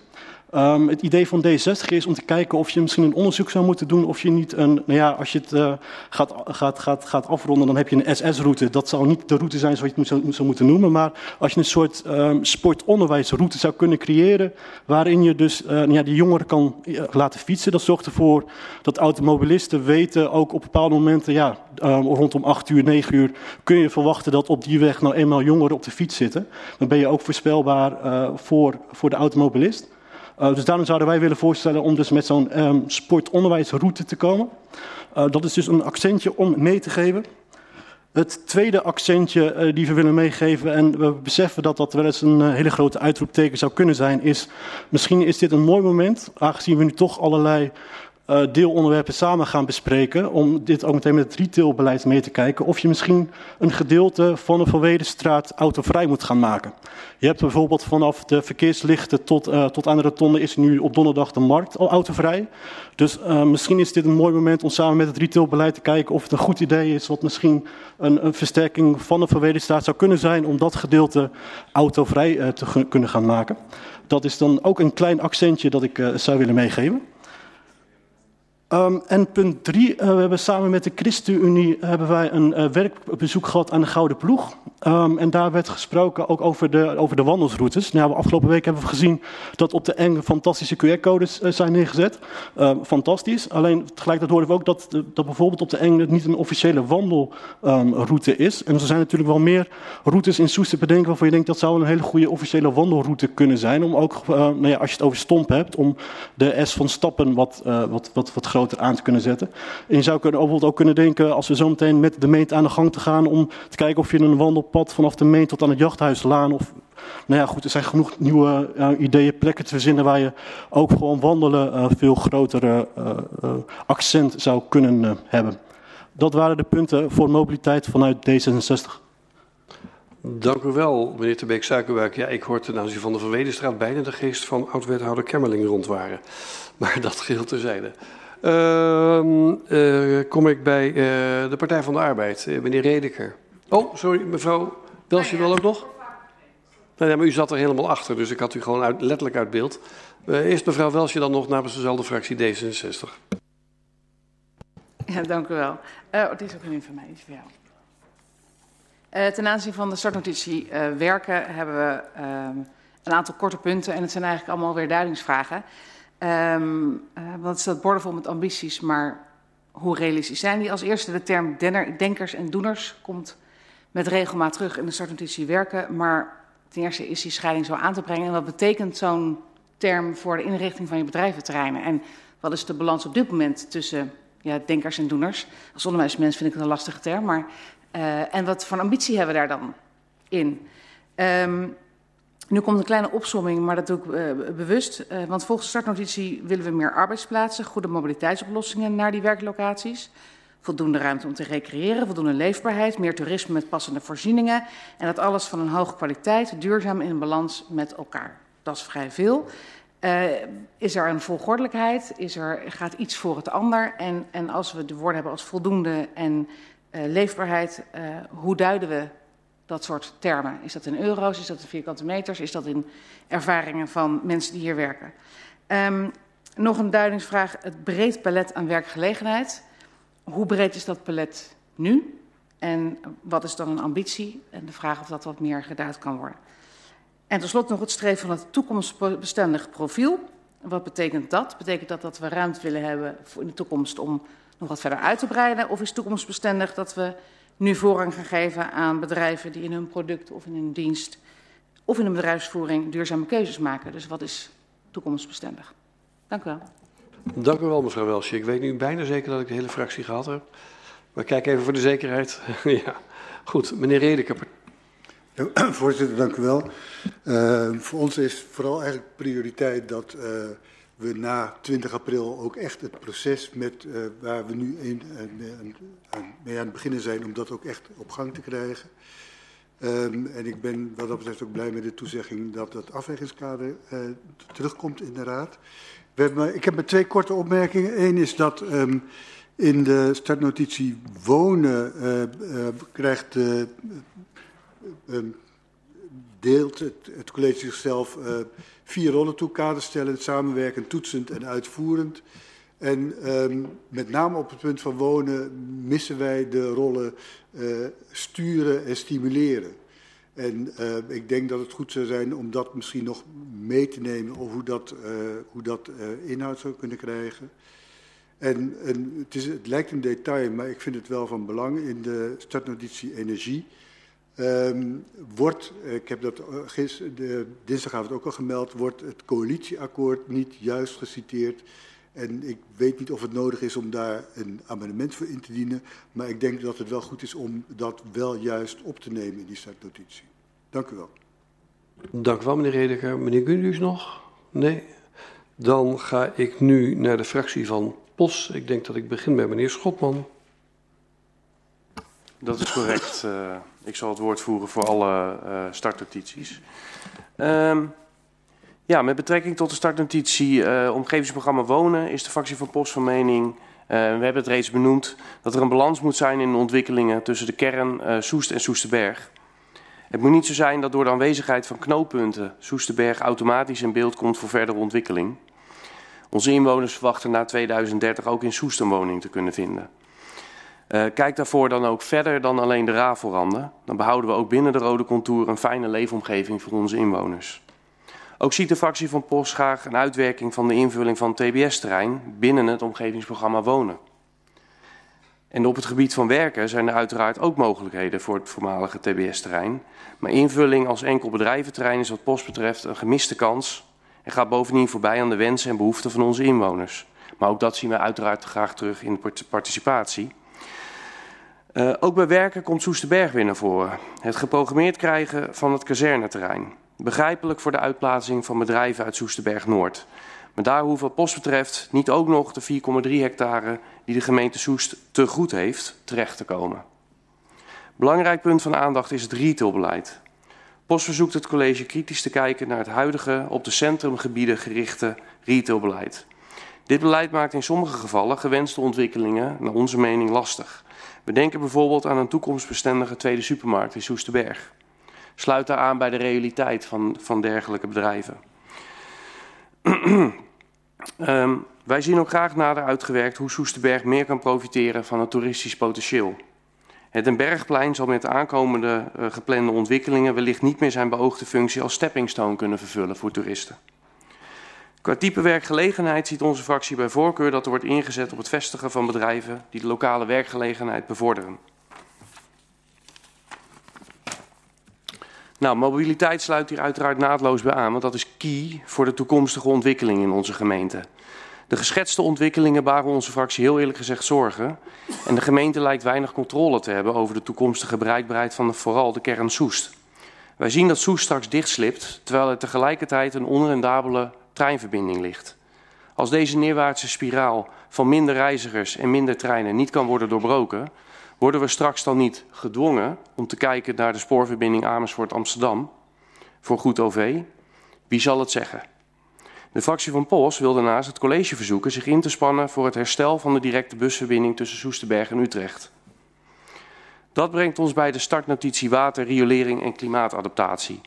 De riolering is, en dat weten we allemaal, een grote zorg voor Soesterberg. En we vinden het zorgelijk dat het college niet in controle lijkt te zijn. Blijkbaar bevuilt Defensie vanaf zijste locaties het Soesterbergse rioleringsstelsel. Essentieel om daar weer in controle te komen en te zorgen, daarvoor, uh, of, uh, en te zorgen dat daarvoor alternatieven komen, waardoor het toch al overbelaste stelsel in Soesterberg wordt ontzien. Bij het omgevingsprogramma Energietransitie geeft u aan dat het college, en dat werd al genoemd, terughoudend staat tegenover de plaatsing van windturbines en zonnevelden. Wat is uw definitie van terughoudend? Wij als POS vinden dat de kern Soesterberg hier niet het afvoerputje moet zijn, om maar in rioleringstermen te spreken. Zeker aangezien u de projecten weegt op draagvlak. Als u enig draagvlak voor de energietransitie wenst te behouden in Soesterberg, dan is de plaatsing van windturbines rondom het dorp wat POS betreft het laatste wat u zou moeten willen. We vragen het college bij de participatie over het omgevingsprogramma Energietransitie breder te kijken dan de huidige groepen en wederom alle inwoners te betrekken. Ook gezien de verhoogde doelstelling van 55% CO2-reductie in 2030 en de gevolgen die dat heeft voor bijvoorbeeld de realisatie van windturbines in de bestaande zoekgebieden. Zo valt ook, ook te lezen dat alle uh, uh, windmolens gerealiseerd zouden moeten worden in de huidige zoekgebieden. En dan last en zeker niet least het omgevingsprogramma Groen en Landschap. Ook POS ziet de toenemende druk op het groen en het landschap in onze gemeente. Tegelijkertijd moeten we ons realiseren dat dit groen onze gemeente definieert en het verdwijnen ervan onze unieke gemeente ernstige schade doet. Ook de effecten van de energietransitie op onze natuur is zorgelijk. We moeten zuinig zijn op ons groen, zowel binnenstedelijk als in het buitengebied. Binnenstedelijk zien wij graag uitbreiding van het groen en de ambitie om meer bomen in de openbare ruimte te hebben. Kwantiteit is ook een kwaliteit op zich. Neem als gemeente samen met de inwoners deel aan het NK Tegelwippen. Het kan zomaar bijdragen aan de doelen van dit programma en aan het draagvlak in Soest en Soesterberg. Tot zover, voorzitter. Dank u wel, meneer Schotman. U sprak namens de fractie van POS. Dan ga ik naar de fractie van GroenLinks. En ik zie meneer De Ruiter al bij de microfoon. Dank u, voorzitter. Ja, ik wijk even af, want bewegen is uh, gezond voor een mens. Bovendien ben ik hier veel beter uitgelicht dan daar. Wij hebben uh, geen vragen meer. We hebben een vraag aan het college gesteld. Maar ook wij willen vooruitlopend op de participatie uh, wat accenten meegeven die in die participatie aan de orde moeten komen wat ons betreft. En allereerst wil ik aansluiten bij alle accenten die D66 reeds heeft, heeft aangebracht. Dan hoef ik die niet te herhalen. Um, we voegen er eentje op een aparte uh, startnotitie toe en de andere benaderen we iets uh, integraler. Want we zijn natuurlijk blij dat ze alle zes tegelijkertijd liggen en ook integraal aangevlogen worden. Op de startnotitie Groene Landschap willen wij nog meegeven um, om graag met de inwoners ook het gesprek te voeren welke functies in het buitengebied nu wel en niet gewenst zijn als, als expliciete vraag. En dat gaat dan met name ook over het agrarisch natuurgebied. Waar nu ook heel veel uh, gebouwen leeg staan, waar misschien wel iets anders kan wat nu niet mag. Uh, dus probeer met de inwoners gezamenlijk dat agrarisch natuurgebied te definiëren en welke functies daar wel en niet gewenst zijn. En uiteraard geldt, maar dat is al eerder gezegd, dat ook voor de meer kwetsbare natuurgebieden. Dan een iets integralere benadering. Um, Laat ik eerst zeggen dat ik natuurlijk blij ben dat het college toezegt alles integraal te benaderen. En dat met name mobiliteit en energietransitie niet meer als aparte visies moeten komen, maar uit de integraliteit moeten voortvloeien. Wij gaan daar scherp op zijn. En misschien wel vragen om na de integrale afwerking dat toch weer heel expliciet te benoemen en nog, toch nogmaals aan ons voor te leggen. Uh, wellicht kunt u daar een uh, motie over tegemoet zien. Um, als ik wonen en water en klimaatadaptatie met elkaar kruisvalt voor ons als GroenLinks op, of zouden we graag meegeven als accent, uh, uh, dat, u met de inwoners bespreekt uh, of er gebieden zijn die qua wateropvang of kwelwater zo kwetsbaar zijn dat daar misschien geen verharding is toegestaan. En u begrijpt dat ik op het Soester Hoogveen duid, maar maakt het dan ook een expliciete vraag en afweging uh, uh, die u voorlegt aan inwoners, waar u ook benoemt dat er tussen die twee werkgebieden, tussen die twee programma's dus spanning bestaat. Daar waar je bouwt kun je geen water meer opvangen. Uh, een, een, een, tweede die bij ons dan uh, in het oog springt is, uh, we willen een, een, een, dorpse karakter behouden. Ik zei het al, dat, daar, daar hoort misschien geen overlastgevende bedrijvigheid bij. Um, gaat u expliciet met uw inwoners bespreken wat voor soort bedrijvigheid in een woonomgeving past en hoe men aankijkt tegen de combinatie uh, van wonen en werken. En het is natuurlijk ook al gezegd door POS. Ook dan doelen we weer heel specifiek uh, met name op het TBS-terrein. Maar ga ook die vraag uh, wat explicieter stellen. Hoe kijkt u aan tegen de combinatie van wonen en werken? En waar zou dat mogelijk zijn? En nou, hebben, willen we überhaupt nog wel overlastgevende bedrijvigheid? Dan heb ik ze gehad, voorzitter. Dank u wel. Ik denk dat dan de hele fractie van GroenLinks... ja, dank u wel. Dan ga ik nu naar mevrouw Sterenberg of een van de anderen van de VVD-fractie... Ik zie in ieder geval, in ieder geval meneer uh, Corbij. Ja, sorry. En daarna de heer uh, Van het Net. Eerst meneer Corbij. Dank u wel, uh, voorzitter. Um, ja, het programma Wonen.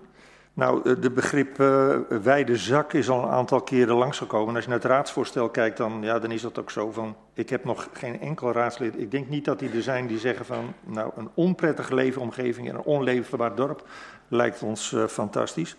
Dus dat is allemaal heel algemeen. Maar als je gaat kijken, en ja, daar kun je over van mening verschillen, staat het eigenlijk bol vol van de ambities. Het doet heel sterk denken ook links en rechts naar. Uh, wij hebben een tijd geleden de doelgroepenverordening uh, besproken en daar informatie over gekregen. En toen werd gerefereerd aan de, nou ja, de proefballonnen van minister De Jongen van Volksuitvesting, die ook zeer vergaand waren. Uh, en als je kijkt naar de kritiek die daarop gekomen is, en uh, nou ja, nu onderhand wordt er alles een beetje geconstateerd uh, nou ja, dat die eigenlijk onhaalbaar zijn. en als je dan in het raadsprogramma kijkt, dan zie je, nou ja, daar kan je ook over van mening verschillen. Mevrouw Flinteman die denkt daar anders over, D66. Maar op bladzijde 11 gaat het over bovenwettelijke eisen. Ja, je kan af, je afvragen of je uh, zoveel bovenwettelijke dingen moet doen. En als ik kijk op, bij paragraaf 3.4 over de randvoorwaarden en vereisen voor het opstellen van een programma, Ja, dan wordt er gevraagd van, ja, voldoende middelen. Uh, is er voldoende capaciteit? Uh, is er voldoende tijd om het binnen de tijd af te krijgen? Er wordt 120.000 euro extra gevraagd. Nou, wij vrezen dat daar dure extender voor worden ingehuurd. En het college denkt dat het bedrag voldoende zal zijn. Nou, kortom, onze vraag is eigenlijk van, moet Soest per se het braafste jongetje in de klas zijn? En is het niet verstandiger om de ambities wat bij te stellen? Nou, bij te stellen, maar realistischer, haalbaarder te maken. Want als je doelstellingen hebt, is het toch ook wel prettig. Je mag wel ambitieus zijn, maar het is ook wel prettig als het uh, enigszins haalbaar is.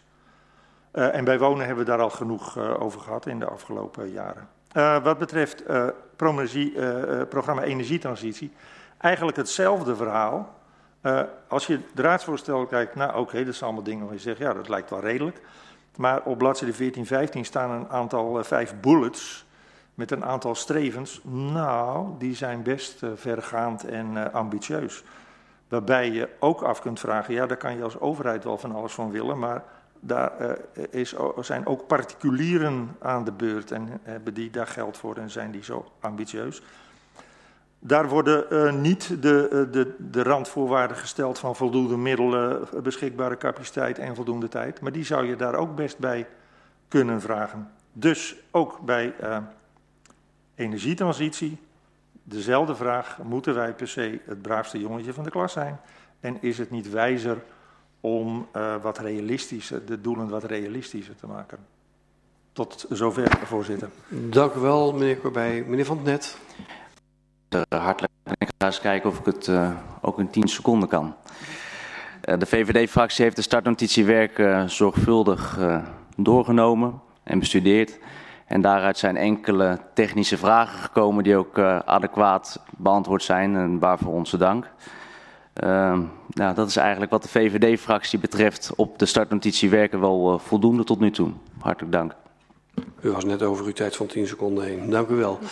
Um, anderen nog van de VVD-fractie? Ja, meneer Van der Wart. Ja, voorzitter. Um, over de mobiliteit. In het voorgestelde raadsbesluit staan er zes opdrachten... waarbij wij als VVD in deze context weinig kunnen met de opdracht B... een gezonde levensstijl bevorderen...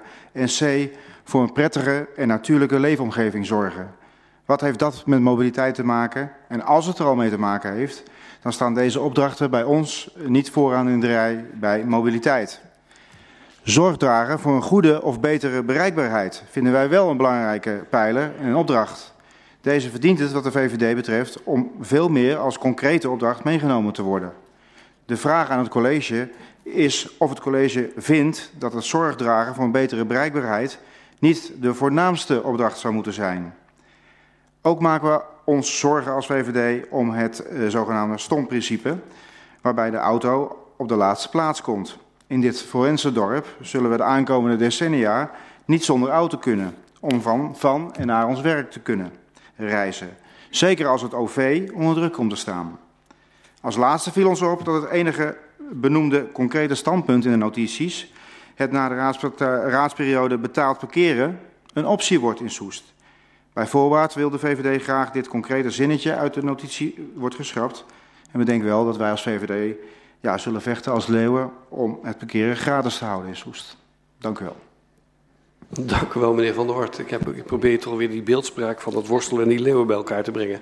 Maar goed, dat geheel terzijde. Uh, ik kijk naar de fractie van G, GS. En ik begin gewoon het rijtje, oh, het, ja. Doet u het zelf maar, zal ik maar zeggen. Mevrouw Wijd. We voeren zelf de regie. Uh, werken, uh, daar begin ik mee. Uh, technische vragen hebben we laatst al voldoende gesteld, denk ik. Dus ik heb eerder een soort overpeinzing die ik wil delen met het college. werken, het geeft voldoening, zorgt voor sociale contacten en natuurlijk financiële onafhankelijkheid. Een goede werkgelegenheid vinden wij daarom, belangrijk voor Soest, voor nu en voor later. Naast werk is fijn wonen ook belangrijk, net als ontspanning en een gezond leefklimaat. In de startnotitie staat dit ook. Waar gewoond wordt, wordt gewerkt en andersom. Dit geeft spanning qua ruimte, hinder en behoeftes. Want wat gaat voor, wonen of werken? Kan er wellicht samen? En waar willen we het liefst wonen? En waar maken we plek voor bedrijven? Het kazerneterrein bij Soesterberg vinden wij hiervoor een prima locatie. Echter, als er meer bedrijven komen, is er meer behoefte aan werknemers. Maar, maar zijn die er straks wel? Er is krapte op de arbeidsmarkt. Wat als je straks de gewenste bedrijvigheid hebt, maar geen geschikt personeel? Meer werknemers aantrekken betekent ook een grotere woningbehoefte. Dat vraagt om nog meer ruimte en kunnen we straks nog wel bouwen. Wie gaat ervoor? De boer of de bouwer? De mens of de natuur? Het vraagt om genoeg plek op de scholen voor de kinderen, kinderopvang, personeel hiervoor. Meer bedrijven, meer mensen, files op de wegen, maar ook op het elektriciteitsnetwerk. Wie krijgt er voorrang? Zijn dit accenten? Nee, niet echt, maar wel punten voor participatie. Groen groeit mee met Soes, lees ik in de startnotitie. Groen, daar houden wij van. Maar moet Soes groeien? Over hoe we deze puzzel met alle vraagstukken en dilemma's op willen lossen, hoe wij alle kaarten het beste in kunnen kleuren en hoe we de knelpunten aan willen pakken, blijven we graag in gesprek met het college, met de inwoners en met collega-raadsleden.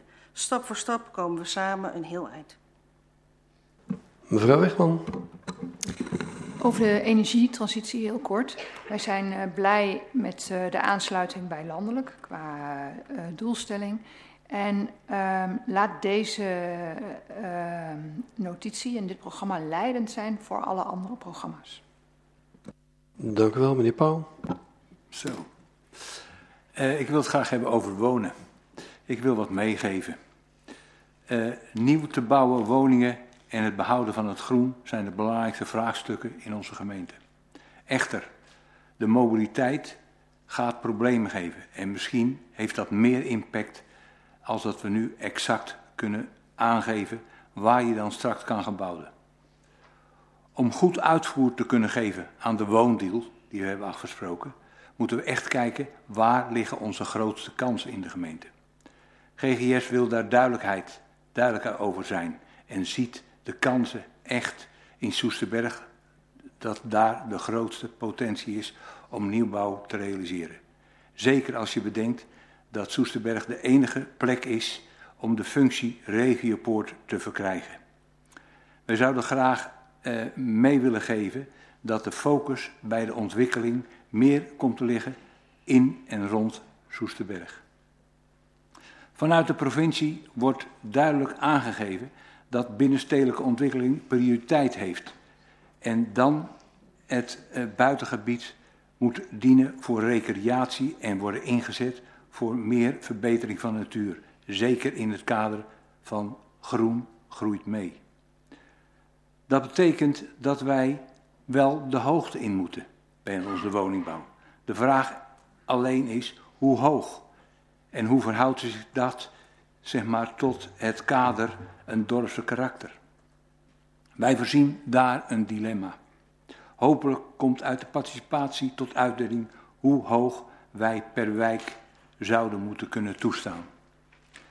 Voor, een goed, eh, en, uh, voor de goede orde, ook in de afgesproken gemeentebreed geldende normering voor adviesrecht is destijds niet opgenomen hoe hoog we zijn. We hebben duidelijk behoefte aan kaders per wijk om zo te komen tot wat willen we eigenlijk met ons dorp. Dank u wel. Dank u wel, meneer Paul. Dank u wel. Ik ga verder over mobiliteit. En om te beginnen hoe taal ertoe doet. Ook in de startnotitie mobiliteit staat dat de vraag is hoe we duurzaam kunnen groeien. Maar economische groei is niet duurzaam. Al kent verduurzaming ook een economisch potentieel, want groen is poen, zeggen we bij ons op de marketingafdeling.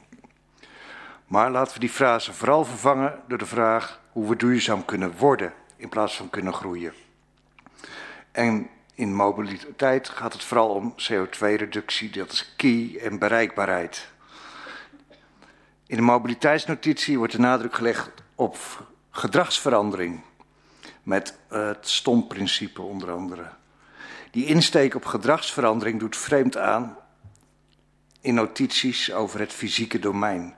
Die hebben weinig te maken met de psychologische wereld van gedragsverandering en een gezonde levensstijl. Gedragsverandering kan, zoals ook genoteerd staat, door de fysieke omgeving aan te passen. Maar dit krijgt wat ons betreft nog te weinig body. De eerder aangehaalde inspreker Rozenboom van de Fietsersbond en niet de Fietsenbond, zoals in beeld stond, gaf al een paar voorzetten. En ik heb er hier vanavond nog een paar gehoord. en sommige hoop ik nooit meer te horen. Zoals ook benadrukt wordt, kunnen we als gemeente niet zelf beslissen over het spoor en de buslijnen. Toch, het Koninginnenlijntje naar Utrecht en de andere kant op via Bar naar Amsterdam lijkt me cruciaal voor de leefbaarheid, toch een vaag begrip, en de bereikbaarheid, dat in ieder geval van Soest. Nog één gedachte over gedragsverandering. Het algemene gedrag, de sociale norm, is niet alleen in Soest gewoon niet duurzaam. Er is veel weerstand ook naar ander gedrag. Dat geldt in het bijzonder voor het beleidsterrein mobiliteit. Fossiele brandstoffen worden achterloos verstookt. Want we hoeven niet zo nodig gezond en duurzaam te zijn. Als we vijf minuten reistijd kunnen winnen, pakken we gewoon de auto. En eigenlijk zou dat de uitzondering moeten zijn zoals vroeger rijden zonder gordel en of met een slok op eigenlijk best wel kon. Als, we, als wij als samenleving op dit terrein kunnen veranderen, dan kan dat ook op het gebied van de andere startnotities. Of in de frasering van de startnotities is dat een van de grootste koppelkansen. Meneer De Wolf. Ja, water en groen. Eerst water. Water en bodem zijn sturend. Mits de juiste afwegingen worden gemaakt, is dit een geruststellende gedachte. Als mensheid hebben wij de neiging de prioriteit bij ons eigen soort te leggen. Ons profijt kan ook samengaan met dat van andere wezens, gelukkig. Daarom is de gedachte de diverse programma's te koppelen ook goed. De berging van water, al dan niet tijdelijk, zal ruimte vragen. Het moet ook in het kader van de omgevingsvisie. Die klimaatverandering laat niet veel keus. Waar de opslaggebieden zouden kunnen komen, gaan we zien op de waardekaarten. Er zullen keuzes gemaakt moeten worden, maar water is leidend. Van die opslaggebieden kan ook de natuur profiteren. Een wisselend waterpeil creëert vaak een prachtige biotoop. Het laat zich zelfs combineren met een binnenstedelijk netwerk van groen en water. Het voorkomt ook hittestress en de inwoners zullen zich beter voelen in een omgeving met meer vegetatie. Dat is beschermen en benutten. Combineer het afkoppelen van regenwater met het zoveel mogelijk uitfaseren van straatkolken. Deze veroorzaken dierlijk leed en schade aan de populatie. Een lopende inventarisatie van defecten heeft ons in negatieve zin verbijsterd. Er zijn veel goede plannen. Een nieuw perspectief voor landbouw, circulair, met het grondwaterpeil omhoog, de biodiversiteit idem. Pak de verstening van tuinen aan en de daarmee vaak gepaardgaande volkomen gesloten schuttingen. Meer de installaties van tanks voor de opvang van hemelwater en hergebruik thuis. Het staat allemaal wel zo ongeveer in de stukken. De kennis is er wel, maar nu ook de durf om knopen door te hakken. De aarde is geen wingewest. We moeten eerlijk delen, ook met het andere leven op deze planeet. Zo wordt de neerwaartse spiraal omgebogen in een meerwaardespiraal. En dan over groen. Wat groen betreft, de knelpunten zitten waar mens en natuur elkaar raken. In het groot bij de keus waar te bouwen, in het klein waar we op wijkniveau groen en wateropvang zullen situeren zonder een nieuw knelpunt te creëren. Het is gepuzzel op macro- en microniveau. Goede monitoring geeft gereedschap voor een juiste keuze. De natuurpotentie kan er ten dele mee worden bepaald. In de plannen voor verhoging van de biodiversiteit past monitoring, een nulmeting, zodat vervolgens kan worden gezien wat de plannen voor effect hebben. Maak hierbij gebruik van de vele natuurorganisaties in ons dorp en in de regio. Zij leveren gratis hoogwaardige arbeid. Denk ook aan deze verenigingen bij het opstellen van waardekaarten. Ze hebben een schat aan kennis en expertise. Overwegen zonering voor groen gebruik. Durf nee te zeggen om uitwoning van onze bossen te voorkomen. Kijk naar de aard van het gebruik. Niet elke hype hoeft gefaciliteerd te worden. Dirigeer de vormen van recreatie die belastend zijn voor de natuur naar kleine gebieden. Niet om te pesten, maar juist om dingen te kunnen blijven doen. Laat de rust in de bossen aan hen die het zoeken. Daarmee bedoel ik niet alleen de mensen. Met een goede koppeling van buitenstedelijke en binnenstedelijke natuur ontstaat beschermen en benutten. Het verhoogt ook het bewustzijn bij de inwoners. Waarom zou je iets beschermen dat je nooit ziet? Door de natuur op verantwoorde wijze plek te geven en deze te verweven met bebouwing ontstaan mooie kansen. Ik geloof niet dat we bang hoeven te zijn dat mijn gevreesde viervoetige naamgenoot zich een weg zal banen via Overhees en Smitsveen naar ons gemeentehuis. Maar goed, mocht u deze angst voelen, draag dan vooral geen rood kapje. Dank u wel, meneer De Wolf. Dan ga ik nu kijken naar de fractie van Soes 2002. Meneer Wrakkink. Ja, dank u wel. Ook Soes 2002 heeft kennis genomen van uh, startnotitie Bonen. Daar wil ik het eerst over hebben. Een uitgebreide notitie met als startpunt de omgevingsvisie, waarbij rekening uh, dient te worden gehouden met andere ruimtevragers. En dat is gewoon het knelpunt.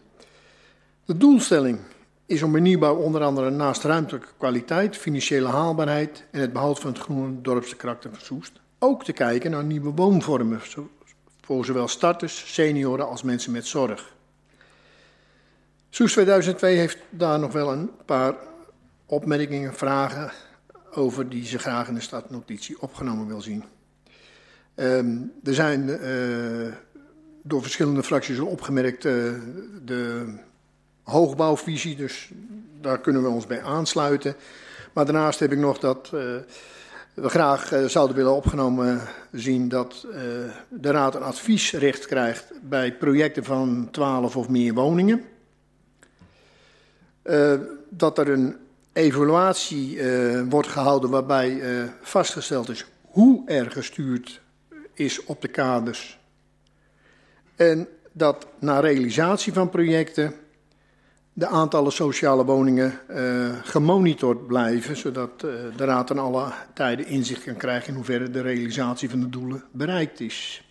Dat is wat betreft wonen. Ik heb ook nog wat over de startnotitie werken. Uh, de doelstelling is om binnen de gemeentegrenzen een veelheid van werkgelegenheid te bieden met oog op uh, voor een vitaal en leefbaar Soest. Dat is prima.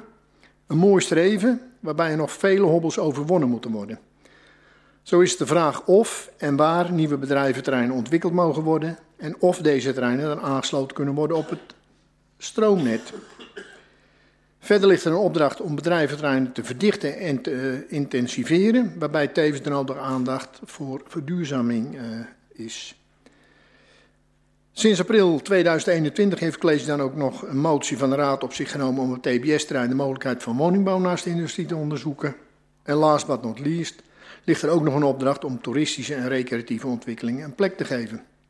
Soest heeft wel enig vertrouwen dat de onderhandelingen met Defensie de benodigde hectares zal kunnen opleveren, maar we hebben toch nog een aantal opmerkingen of vragen die ze graag in de startnotitie opgenomen willen zien. Um, bij het overleg met de provincie over toekenning van bedrijventerreinen naast de benodigde hectare bedrijventerrein tevens aan te willen uh, geven of te willen onderzoeken of SMR-centrales of kleine windmolens zouden kunnen volstaan in de energievraag voor de bedrijventerreinen.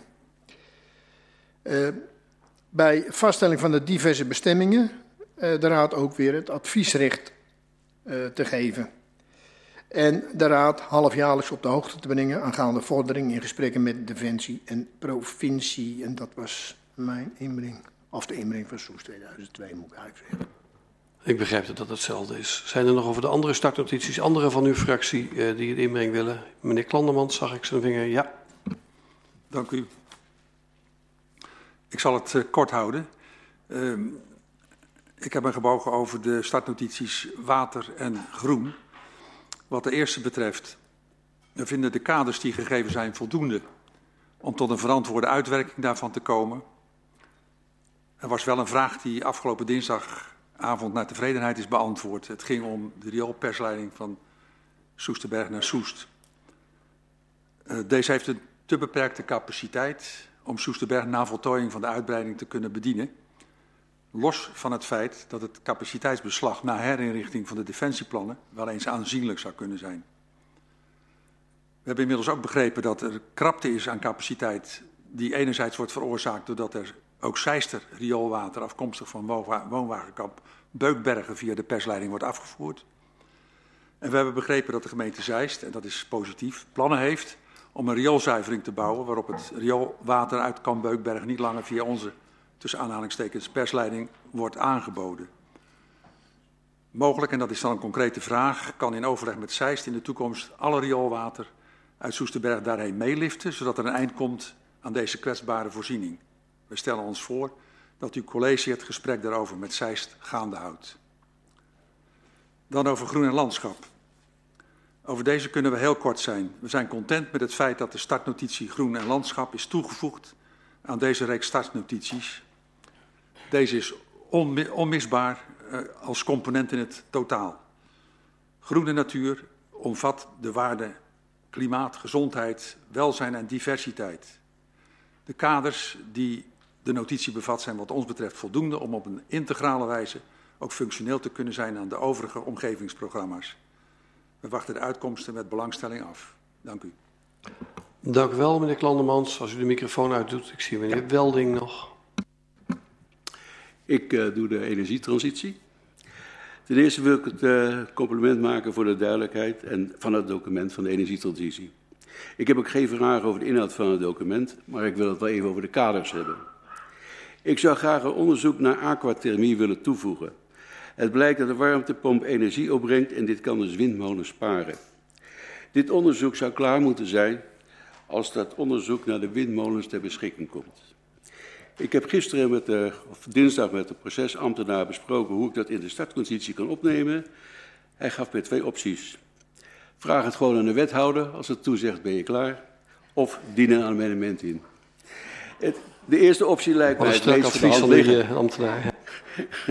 de eerste optie lijkt me meest voor de hand liggen. En ik wil de wethouder dan ook verzoeken om direct na het goedkeuren van de startnotities een dergelijk onderzoek te beginnen. Dank u wel. Dank u wel, meneer Welding. Ja, meneer Christiansen. Ja, zonder de U. Uh, ik ben de laatste volgens mij. Dus ga er maar eens goed voor zitten. ik, probeer, hem voor 11 uur uh, uh, af te ronden. Uh, mobiliteit. Uh, met veel genoegen heeft de fractie van Soes 2002 kennis genomen van deze start, startnotitie. En ik wil beginnen met het voorblad. Uh, de, de, de, gekozen foto uh, voor alle startnotities volgens mij, ik heb alleen die van mobiliteit gelezen, maar uh, volgens mij voor alle, alle is wel heel treffend voor het thema mobiliteit. De duinen met heel veel voetstappen en in de vette wielsporen. Waarschijnlijk, hopelijk van de four-wheel drive van de boswachter, of misschien wel van een van de bosbrandbestrijdingsvoertuigen van onze 100-jarige brandweer. is dit het plaatje van de toekomst, zou ik bijna willen zeggen. Ik denk dat meneer Van der Wart het daar niet mee eens is. Alleen maar voetstappen en maar één wielspoor uh, gaat hem denk ik niet worden, maar je weet het niet. Uh, het laat wel zien hoe druk het is in de duinen. Uh, en we weten ook dat het steeds drukker wordt in onze mooie gemeente. Dus heel goed dat met deze startnotitie als uitvloeisel van de omgevingsvisie de eerste stappen zijn gezet om te komen tot balans in mobiliteit in Soest, die aansluit bij de behoeften van de inwoners van Soesterberg en Soest. Uh, maar ook in balans met Europese, landelijke, provinciale en zelfs regionale kaders. En in balans met de woon-, en recreatiebehoeften in onze gemeente. Mooi ook dat betaald parkeren in deze stadsnotitie staat benoemd. En met name dat die uitgesteld wordt. Wat ons betreft uh, in ieder geval tot 2040 en ook daarna. Ook goed dat er een link wordt gelegd met de energietransitie en de reductie van CO2-uitstoot. Wellicht ook een duwtje in de rug met betrekking tot het vergroten van het aantal laadpalen in onze gemeente. Uh, Soes 2002 omarmt het stomprincipe, maar hecht vooral veel waarde aan hoe de inwoners van de gemeente erover denken. En we zijn daarom ook heel nieuwsgierig naar de uitkomst van het participatietraject en de reactie van het college op dat uh, traject. En in dat traject zal dan ook de de Fietsersbond uh, natuurlijk zijn inbreng kunnen hebben. Ik zal verder niet op de inhoud ingaan, maar wil wel met betrekking tot de inhoud afsluiten met de opmerking uh, dat we denken dat de startnotitie voldoende brandstof heeft om tot een succesvol participatietraject te komen. En we wensen het college en de betrokken ambtenaren dan ook veel succes met de vervolgstappen. Dank u wel, voorzitter. Het is precies 11 uur, dat is best knap. Goed, dank u wel voor al uw inbreng. Er zijn een x-aantal vragen gesteld. Uh, Het is 11 uur. Ik denk dat het goed is dat we nu even kort pauzeren, want we zijn alweer een poosje onderweg. En dan geeft het college de gelegenheid om op een aantal vragen te reageren. Nu een aantal vragen zal op andere wijze aan de orde komen. Uh, dat, dat is denk ik, doet ook wel recht aan al uw, aan al uw inbreng. Uh, en ik begreep inmiddels via de app dat het college ook een aantal dingen wel weer aan u kan meegeven, zodat u dat kunt betrekken bij uw afweging over het vervolg. Als u dat goed vindt, dan schors ik nu even voor Ik kijk het college 10 minuten. En dan krijgt u een korte beantwoording van de wethouders per portefeuille. Goed, dames en heren. Ik heropen deze vergadering met de mededeling dat ik slecht nieuws en goed nieuws heb. Het slechte nieuws is voor het college, het goede nieuws is voor de raad. Uh, geacht college, de hapjes zijn bijna op. En het goede nieuws is de raad, het college heeft zich voorgenomen om kort te beantwoorden. Ik geef als eerste het, wethouder, het, uh, het woord aan wethouder Scholten. Wederom dank, voorzitter. En ik wil eigenlijk namens het hele college heel veel dank uitspreken voor alle accenten of aandachtspunten, hoe u ze genoemd heeft, die u ons meegegeven heeft. U heeft enorm veel input gegeven uh, en daar zijn we heel blij om.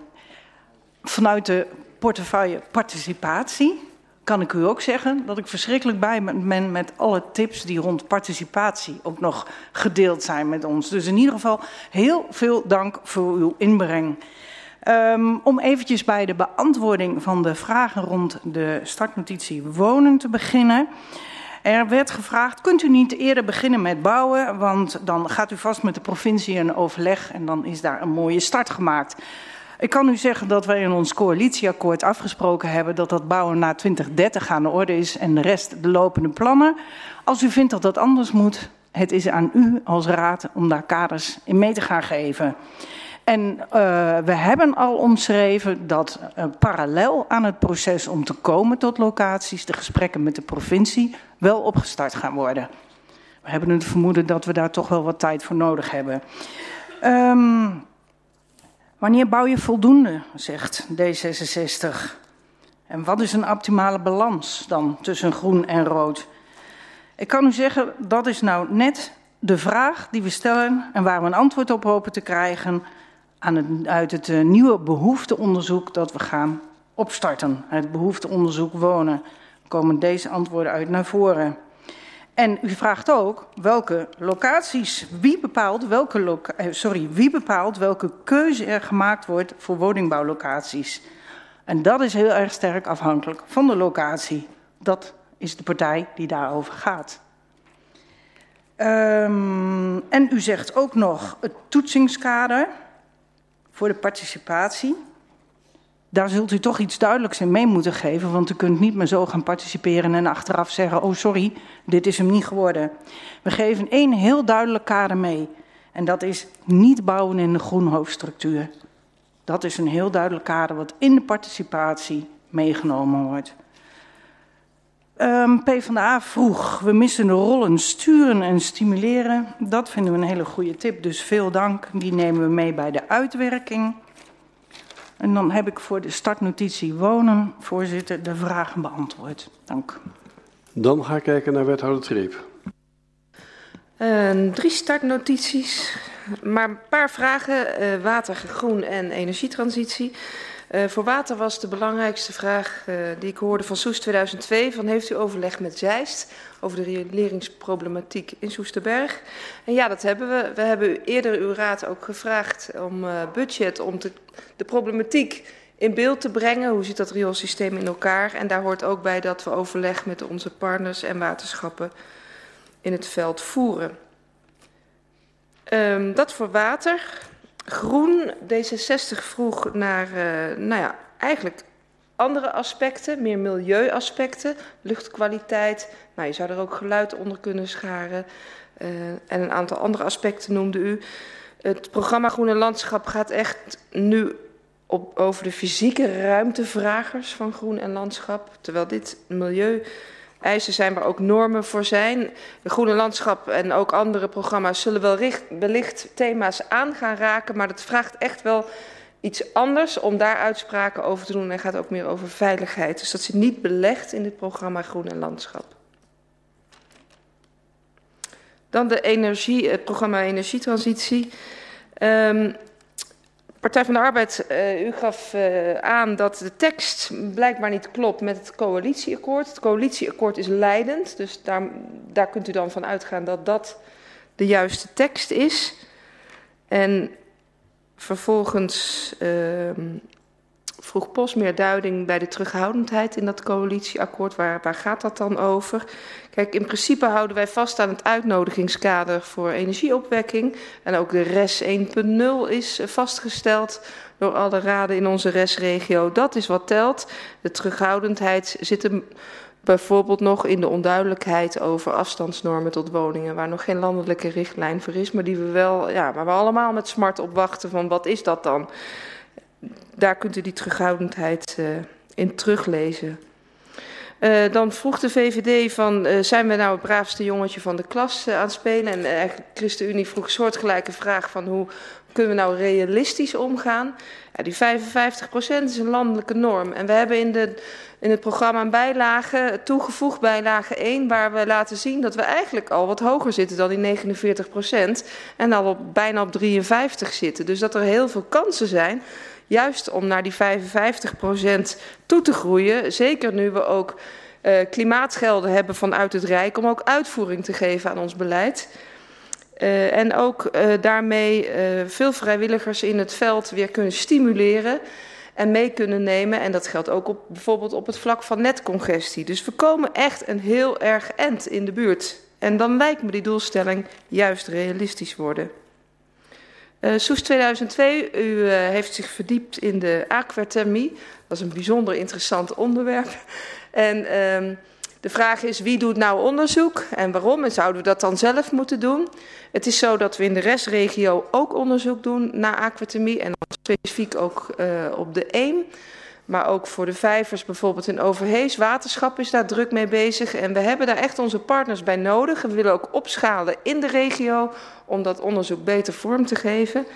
En het lijkt me ook dat het daar eigenlijk thuis hoort. Ik heb wel een presentatie en een eerste rapport uh, daarover. En dat wil ik wel graag met u delen, zodat u ook zelf kunt beoordelen als raad. Is dat voldoende? Of moet daarnaast nog iets opgetuigd worden uh, in Soest zelf? Ja? Uh, dat zal ik dan ook snel doen, uh, want dat is een kwestie van opvragen in de regio. Um, GGS had nog een vraag over uh, laat de energietransitie, uh, de 55%, laat het leidend zijn. Dat is nou precies een vraag die aan u hoort. Wat is leidend? Dat komt nou terug in dat afwegingskader, waar wij heel graag van u horen. Wat ligt nou boven wat? Dus die laat ik, uh, laat ik graag bij u. Convenant duurzaam bouwen als laatste. Daar stelde D66 een vraag over. Wij kiezen voor brons, anderen kiezen voor goud. Uh, ik denk dat het goed is om te vertellen dat het convenant duurzaam bouwen in Utrecht met bouwende partijen samen opgesteld is. Het was ook echt een vraag vanuit de bouwende partijen. Die hebben gezegd, laat, laten we nou een gelijk speelveld creëren en kies daarin een minimum. En daag ons ook vooral uit om meer te doen. Hè, daag ons uit. Uh, wij hebben voor brons gekozen. Wij denken dat dat het meest realistisch is. Het goede nieuws is, is dat ons voorbeeld, ons provinciale voorbeeld, opgepakt wordt bij het Rijk.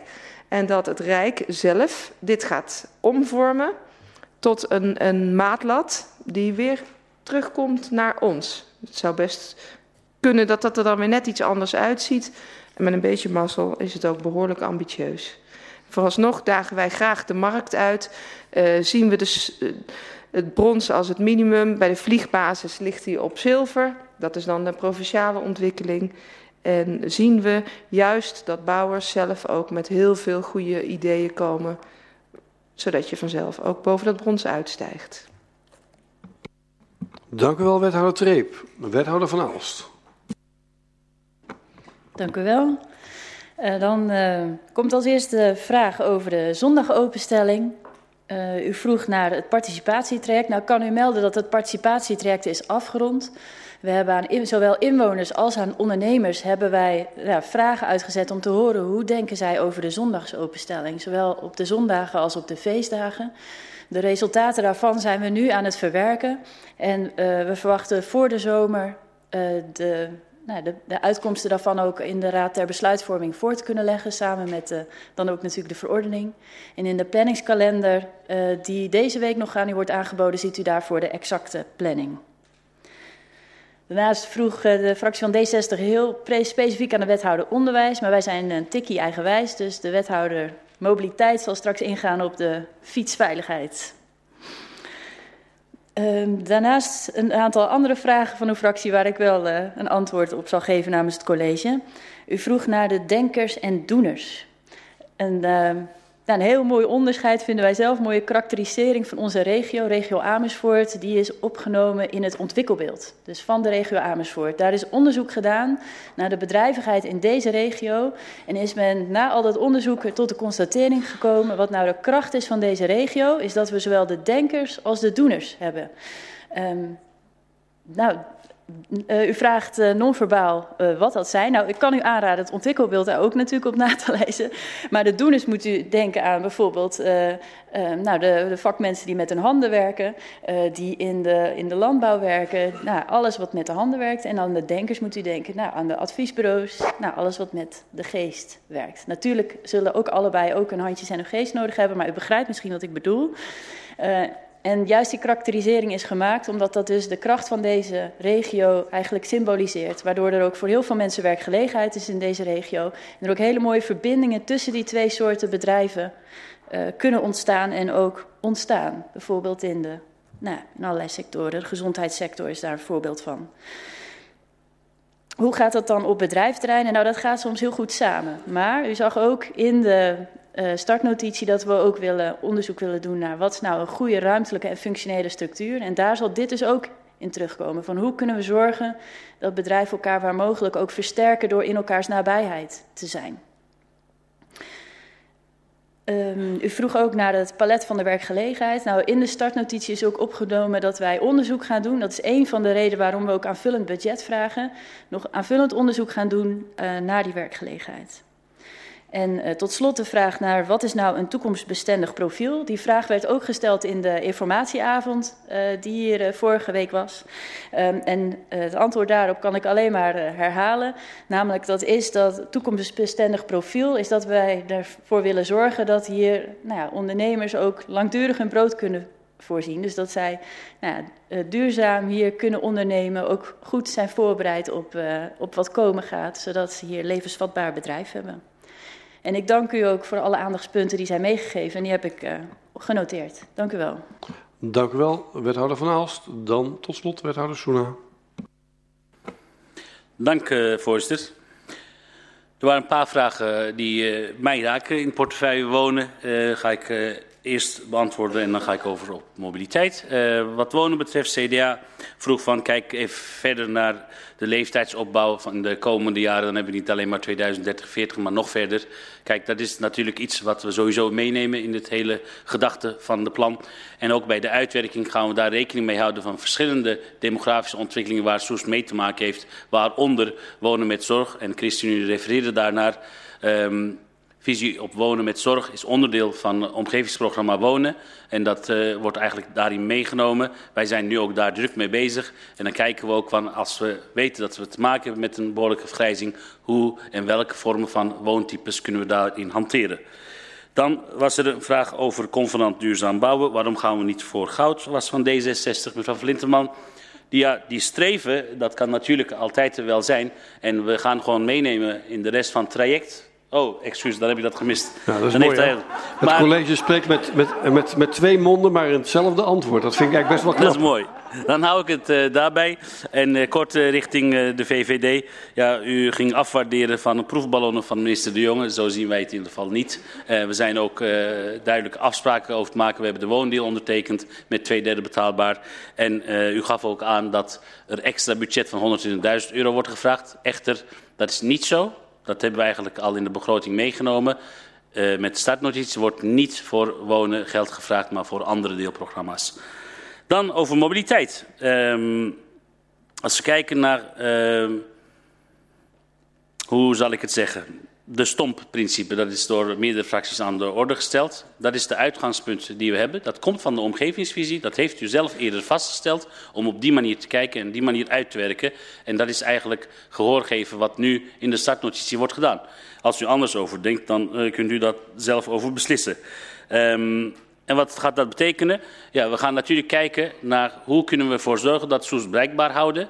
En Christian refereerde daarna, meneer Fixen, van ja, de lijn uh, van Baren naar Utrecht door Soest, die willen we zeker behouden. En onze inzet zal zijn om dat te behouden. Dat is eigenlijk het belang en dat gaan we onderzoeken op welke manier we dat kunnen doen. Dat kan bouwen zijn rondom het station, maar ook kan je denken aan kantoor of andere manieren van bijvoorbeeld mobiliteit. Dat je sneller bij het station kan komen met je fiets of lopend of andere pedelec of wat je maar kan bedenken. Uh, dus in die zin uh, wordt dat op die manier zit de focus op. En plan B is eigenlijk kijken van uh, wat zijn nog de alternatieven die we daarin kunnen meenemen om dat te kunnen versterken. Andere onderzoeken naar andere vormen zoals u aangaf en andere fracties ook is op dit moment niet aan de orde. Wel is het zo dat we qua regiopoorten kijken naar Soesterberg met name, waarin... Uh, we hopen dat ook onderdeel van Regiopoort Soesterberg goed bereikbaar wordt. Ik denk dat ook de fractie van Post blij mee zal zijn dat we de bussen niet langs de A28 alleen maar laten rijden als HOV-verbinding, maar ook door het dorp Soesterberg, zodat de huidige en de nieuwe inwoners daar gebruik van kunnen maken. Dan was er een vraag gesteld ook door ChristenUnie over Soest-Hilversum fietslijn. Uh, binnenkort krijgt u uh, voorstel vanuit uh, ons die we samen met de regio doen om de fietsverbinding Amersfoort-Hilversum, die ook door Soest gaat. En daarin hopen wij u ook perspectief te bieden over hoe de toekomst gedacht is met de lijn van fietsen vanuit Soest naar Hilversum. En dat zal wellicht net een andere uh, variant kunnen zijn, maar dat gaan we verder bespreken in de regio met uh, onder andere collega's van Baren, maar ook met Amersfoort zijn er gesprekken die we ook met de provincie voeren om binnen het project verder te kijken naar zaken die ons raken. Daar zit dit ook in. Dan um, kijk ik even verder welke vraag er over was. Ja, knelpuntanalyse ja, van uh, GroenLinks, de onderwijskoppeling naar de fietsen. Uh, wij hebben in, in, in verkeersveiligheid, een van de onderdelen, de thema is verkeersveiligheid. En subthema daaronder zijn schoolzones. En daarin gaan wij expliciet naar kijken. En ook het onderzoek van de Fietsersbond wordt daarin eigenlijk meegenomen. Dus in die zin gaan we daar ook zeker iets mee doen. En als laatste, hopelijk als afsluiter, betaald parkeren werd genoemd. Ja, betaald parkeren staat in het coalitieakkoord, gaan we niet doen in deze periode. En in de omgevingsvisie staat, sluiten we niet uit. Mooier kan ik het niet maken. Dank u wel. Dank u wel, wethouder Soena, als laatste namens het college. Als u het goed vindt, dan denk ik dat wij een hele goede avond hebben gehad. Uh, de complimenten heeft u kennelijk al van het college gehad bij monden van wethouder uh, Scholte. Ik zou zeggen, hier gaan we op kouwen. Ik zie de fractievoorzitters maandagavond om nog ons op het uh, proces te beraden voor, voor 20. U heeft nog een vraag, meneer Wrakking, want ik was eigenlijk van plan om naar afronding te gaan en hier geen twee termijnen over te doen. Dat begrijp ik dat u dat wil, maar uh, de fractie van Soes 2002 heeft een drietal vragen gesteld waar hij geen antwoord op heeft gekregen. Maar als het meegenomen gaat worden... Ja, die komen schriftelijk, want er zijn meer vragen die nog niet beantwoord waren.